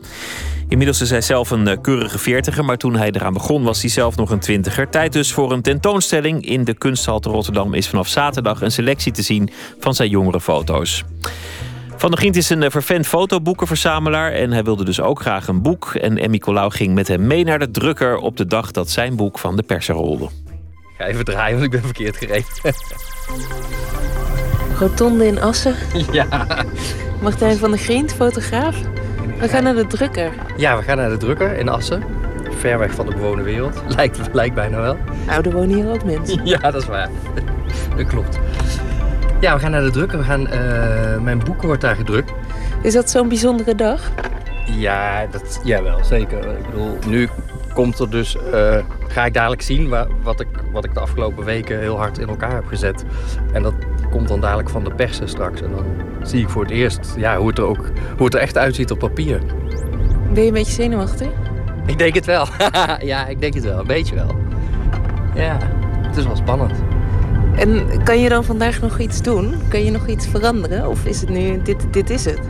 Nou, je kan niks meer inhoudelijk veranderen. Dus ik kan niet, als ik ergens een komma of een punt verkeerd zie staan, eh, zie staan dan dat kan niet meer. Maar ik kan wel, als het straks eruit komt en ik denk, oh, dit moet nog een tikkeltje minder geel of minder groen. Ik ben echt allergisch voor te, te geel. Dan dat kan. Dat kan. Dan kun je het nog een beetje bij, eh, ja, bijsturen, zeg maar. Goedemorgen. We zitten hier live in de uitzending. Nee, grapje. kan, ik, kan ik hem daar nog naast zetten? Oh, dat kan Volgens mij wel. Nou, we gaan naar binnen. Ja, nee, het is heel spannend. Ik bedoel, ja, het is gewoon heel spannend.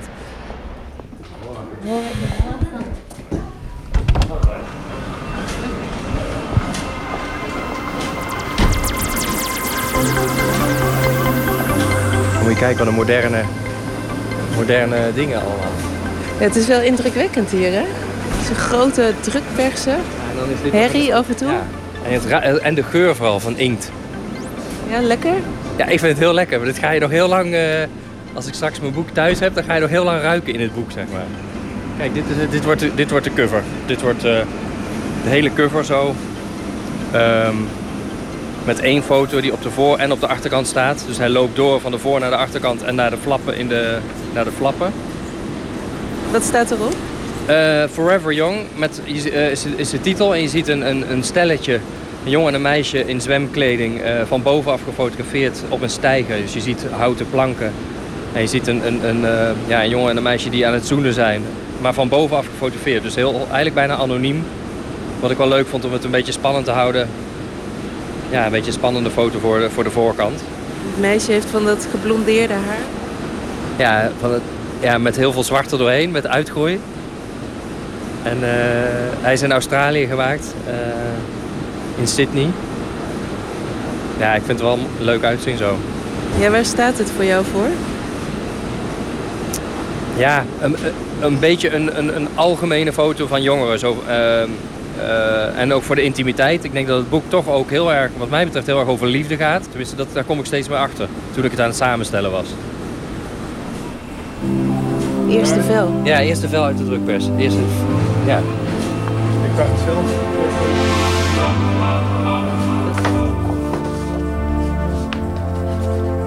Dit is al zo leuk om te zien. Dit is het eerste vel uit de druk van de drukker.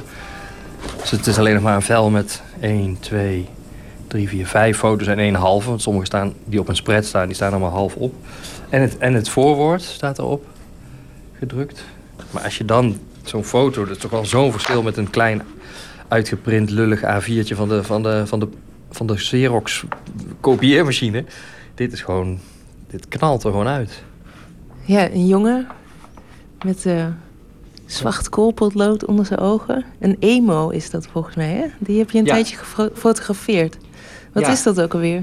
Ja, emo's, dat, dat was op een gegeven moment een verzamelnaam. Eh, het, het komt uit Amerika, het komt, van de, het komt van Emotional. En het is een, eigenlijk wat wij in onze jeugd vroeger de, de, de alto's noemen, de alternatieve mensen van die, die van de Cure hielden en, en de Smith en weet ik veel. Uh, ja, met make-up en, en, en, en een beetje lang haar voor het gezicht, een beetje experimenteren met lippenstift. En dat is een beetje de emo, uh, de emo of de emo-cultuur. Ehm, en dit is inderdaad echt een emo-jongetje. Harry, Harry Strawson uit, uit Londen, 13 jaar. Op een pleintje in Londen, Soho Square. En hij staat een beetje wezenloos voor zich uit te staren. Let's dance in style, let's dance for a while. Heaven can wait, we're only watching the skies. Hoping for the best, but expecting the worst. Are you gonna drop the bomb or not? Forever Young heet het boek dus. Ja. Alphaville, dat was zo'n liedje. Welk jaar ook alweer? Uh, dat was uh, 1984. Wat was dat voor jou voor uh, periode? Nou ja, uh, 1984 is in ieder geval voor, voor mijn fotografie een heel belangrijk jaar... omdat ik in dat jaar mijn, uh, mijn eerste camera kreeg van een tante. Uh, hele oude Canon camera. Uh, met rolletjes dus nog. Voor, voor de luisteraars die digitaal zijn. Nee, en, en, en toen ben ik een beetje begonnen met fotograferen. En tegelijkertijd was ik gewoon ook een hele... Ja, een, een jongetje van 14, hartstikke onzeker. En, en ja, zoals, zoals, zoals de meeste pubers. Je wordt geroepen Ja, we mij. moeten even kijken. Er is weer een nieuw drukvel. Dus we moeten even naar de, naar de drukkerij gaan lopen. Wat uit.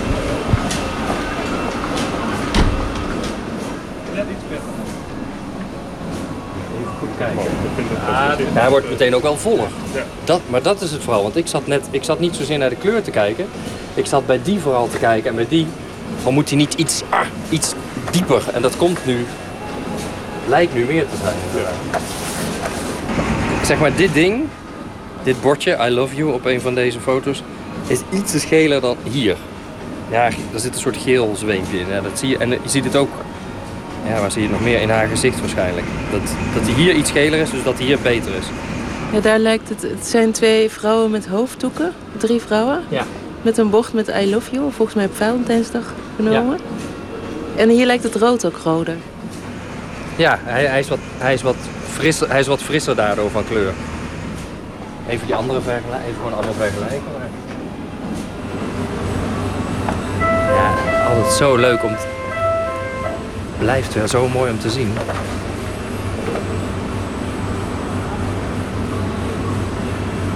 Hier uh, Moskou. Een jongen met zo'n hoofdband. Een beetje taekwondo-achtig. En er zit Ja. op de achtergrond iemand uh, over te geven. Ja, er zit naast hem iemand die uh, met een plasje kotst eronder. Ik denk dat, ik zit bij, bij deze denk ik bijna van, hij moet ook weer warmer. Hij is een beetje koel. Ja, hoor. Het is meer dat ik dan denk, oh ik moet dingen zien. Nee, maar je ik, moet er, ik moet er dingen in onder... Je moet wel kritisch blijven. Ik moet foutjes ontdekken. Ja, maar dit ziet er gewoon goed uit. Drie jongeren op weg naar een galabal, denk ik, in een taxi. Met, met, ja, in een limousine met Bavaria biertjes erbij. Maar deze is gewoon helemaal goed. Ik zou niet weten wat hier anders aan moet. En bij die ook niet, want die is, al, die is natuurlijk al geel door, de, door het McDonald's licht. Jongeren in McDonald's afgelopen september in New York.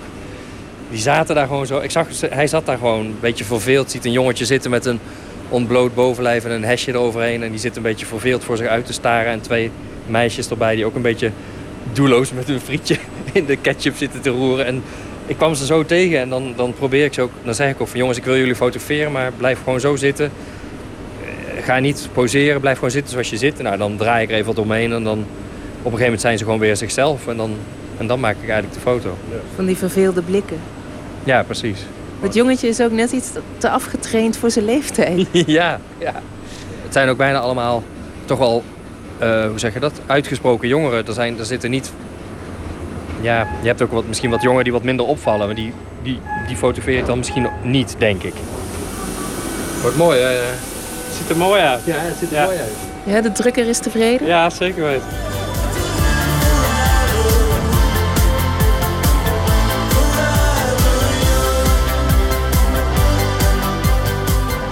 Ja, er zit wat mij betreft één sfeer in. eh, een beetje de melancholie, de, de onzekerheid, de kwetsbaarheid van de jongeren. Ehm, ja, daar, daar probeer je dan op te selecteren. Zodat er toch, want ik, kan ook, had ook, ik heb natuurlijk nog veel meer foto's. Ik heb ook foto's van jongeren op scholen gemaakt. Of jongeren met volwassenen in beeld. Of, eh, terwijl in dit boek staat geen enkele volwassene. Misschien hooguit ergens op de achtergrond. En gaat het echt over die wereld van, van die jongeren alleen. En die melancholie, je had dus ook voor een ander gevoel kunnen kiezen... maar jij hebt gekozen voor die melancholie. Ja, dat zit er wat mij betreft denk ik wel het meeste in. Althans, of, of ja, de, de, misschien niet alleen melancholie... maar in ieder geval de, de, de kwetsbaarheid zeg maar, van de jongeren. Nou ja, melancholie, ik, ik kreeg er zelfs een beetje buikpijn van af en toe. ja, dat kan, dat kan ook. ik, weet niet, ik weet natuurlijk niet welk effect mijn foto's op mensen hebben... maar als je er buikpijn van krijgt, ja... nou ja, die, die melancholie gaat natuurlijk... Je ziet die jongeren inderdaad... eh, eh, ze kijken vaak een beetje weg. Ze zijn een beetje in hun eigen wereld. Terwijl ze wel altijd met anderen zijn. Maar niet altijd per se ook samen, voor mijn gevoel. Ik werd er melancholisch van, omdat het, ja, het confronteert je ook wel heel erg met dat je zelf niet meer zo jong bent. Nou, ik krijg ook wel een beetje buikpijn als ik zie dat mijn jeugd voorbij is. mijn, mijn jeugd is voorbij. En eh, was ik nog maar zo jong. En vanuit de jongeren, ja, ik denk toch dat heel veel jongeren ook heel erg in hun eigen wereldje zitten. Ook al zijn ze vaak samen met anderen. Ze, hebben, bedoel, ze maken zo'n heftige periode volgens mij mee tussen, tu- nou ja, zeg maar even heel ruim tussen je dertiende en je twintigste of je dertiende en je achttiende. En dat, zijn een beetje, dat is een beetje de leeftijdsgroep die ik gefotografeerd heb. En, en ja, dus, dus dat zie je dan ook af aan de foto's. En ik heb bewust, ja, ik kan wel allemaal foto's van lachen en gierende tieners, maar die, A, heb ik die niet en, en ben ik er ook niet zo. Dus het is een hele bewuste keuze van mij om dat niet te fotograferen. En van de andere kant, dat zie je al allemaal op Facebook en op eh, de, de, de grappige en de jolige en naar de camera toe. En ik wilde juist laten zien hoe ze zijn zonder camera. Met mijn camera, maar dan toch in, in zichzelf. En je zei net eh, binnen in de drukkerij, ik kies wel uitgesproken jongeren. Je ziet het inderdaad vaak aan Ja. hun kleding. En eh, jongens hier, een jongen met een blote bast, ook lekker afgetraind. Uh, peukie in zijn mond. Waarom kies je voor hen? Kijk, ja, ik weet niet, ik zit te kijken waarom, waarom dat is. Eh, ik denk, nou, wat er denk ik toch wel mee te maken heeft als ik dan naar mijn eigen jeugd terugdenk, is dat ik. eh, ik was ook een heel rustig, verlegen jongetje, maar ik werd wel steeds meer me bewust van mezelf en wilde ook. Wilde, wilde me ook onderscheiden van de rest. Maar ik wist ook niet goed waar ik bij hoorde. Want ik was geen kakker. En ja, alternatief dan een beetje alternatief, maar ook weer niet heel erg. En, en maar dan ging ik ook mijn haren blonderen. En dan weer een keer mijn haren in een kuif doen. En, en dus, dus ehm, eh, Oorbelletje. een oorbelletje nam ik. En, en allemaal dingen om uit te proberen. En ik zie dat ik, dat ik ook dat soort jongeren er weer uitpik. Die dus ook net even eh, een haar geblondeerd, geblondeerd hebben. Of een petje opzetten. Of, ja, of, of, of stoer willen zijn. Of juist niet stoer. Dat, daar zoek ik dan ook naar. Naar, dat soort, naar die jongeren die op die manier daarmee bezig zijn. Ja, want je ziet aan alles dat het vooral een houding zoeken is, hè? Ja. Dat, dat- die, ja, hier zie je van die emo-meisjes, denk ik. Dus een beetje, ook een beetje ja. emo, Ja, ja, ja, absoluut. Die komt echt uit, de- uit, uit, uit de tijd dat ik die emo-jongeren heel erg aan het volgen was. Zo- Zo'n piercing door hun lippen en eh, van die zwart-witte kledingen aan. Ja. En eh, lange ponies die net zo half in hun ogen hangen. Precies. En toch, ja, het is wel een hele bewuste keuze, maar tegelijkertijd lijken ze er zelf ook niet echt helemaal gelukkig mee. Nee. Ja, nee, het zijn inderdaad, als je het zo ziet, zijn het over het algemeen uitgesproken jongeren. Die wel heel duidelijk kiezen voor, eh, voor een bepaalde kledingstijl. Of voor een bepaalde. Het zijn niet de hele grijze muizen, zeg maar, die ik, gefoto- die ik gefotografeerd heb. Weet je nu na twintig jaar waarom dat je dit eigenlijk doet, die jongeren fotograferen? Ehm, ja, ik ben er inmiddels steeds meer achter. En dat is ook erg leuk, omdat weer ook tijdens het maken van het boek of tijdens het proces, dat je daar dan ook achter komt. Dat, dat ik echt jongeren fotografeer. eh, omdat ik zelf graag eh, nog jong zou willen zijn. En omdat ik die periode toen niet zo bewust heb meegemaakt. Een soort herbeleving dus. Ja, eigenlijk wel. Een soort, eh, bijna een soort nostalgie naar, naar een tijd die er niet meer is. En, eh, en, en daarom is het ook zo leuk om jongeren te blijven fotograferen. Het houdt mij ook jong. Ja, dat doet me denken aan dat, dat toen ik jong was, misschien ken jij dat ook wel, dat er dan regelmatig mensen zeiden van geniet er maar van. Ja. En dan was je 15 of zo, of snapte je 16. niks van. En dan dacht je echt, waar, heb je, waar Ja. heeft u het over? Ja, geniet er nog maar van, zolang het kan. Weet je, Dat was het dan. Ja, nee, dat snap je dan allemaal niet. Dat, eh, eh, maar dat snap je wel, denk ik, als je dit boek ziet. En als je, of als je deze foto's ziet. En dan denk je, ja, het is dus gewoon voorbij, die jeugd. En, eh, Ja. ja, aan de ene kant gelukkig, aan de andere kant doodzonde dat ik er niet van genoten heb. Ja, misschien wel, ja. Nog even de laatste foto. Ja. Je, je begint met een foto die je zelf gemaakt hebt van je vrienden. Ja. De laatste foto is een foto waar je zelf op staat. Ja, op het strand met, met een shaggy. Alle twee, eh, je ziet mij een shaggy net opsteken en, en Mike in de achtergrond een shaggy roken. Koude winterjassen aan. Volgens mij was het echt, echt heel koud. Was, het was, nou, misschien was het wel januari zelfs, maar dan in 1988. Stekeltjes en zo'n kuifje. Ja, stekeltjes, uh, geblondeerd kuifje. De wangen niet helemaal. Ja, jeugd, jeugdpuisjes inderdaad. ja, ja, die tijd is voorbij. Mooie tijd. Forever young. Ja, precies. En de foto's van Martijn van der Gient zijn vanaf zaterdag te zien in de kunsthal te Rotterdam. En er is het boek Forever Young. Dit was Nooit meer slapen. Morgen zijn we er weer. Ik wens u een hele mooie nacht. Morgen een fijne dag. En straks op deze zender Omroep Max. Op Radio 1. Het nieuws van alle kanten.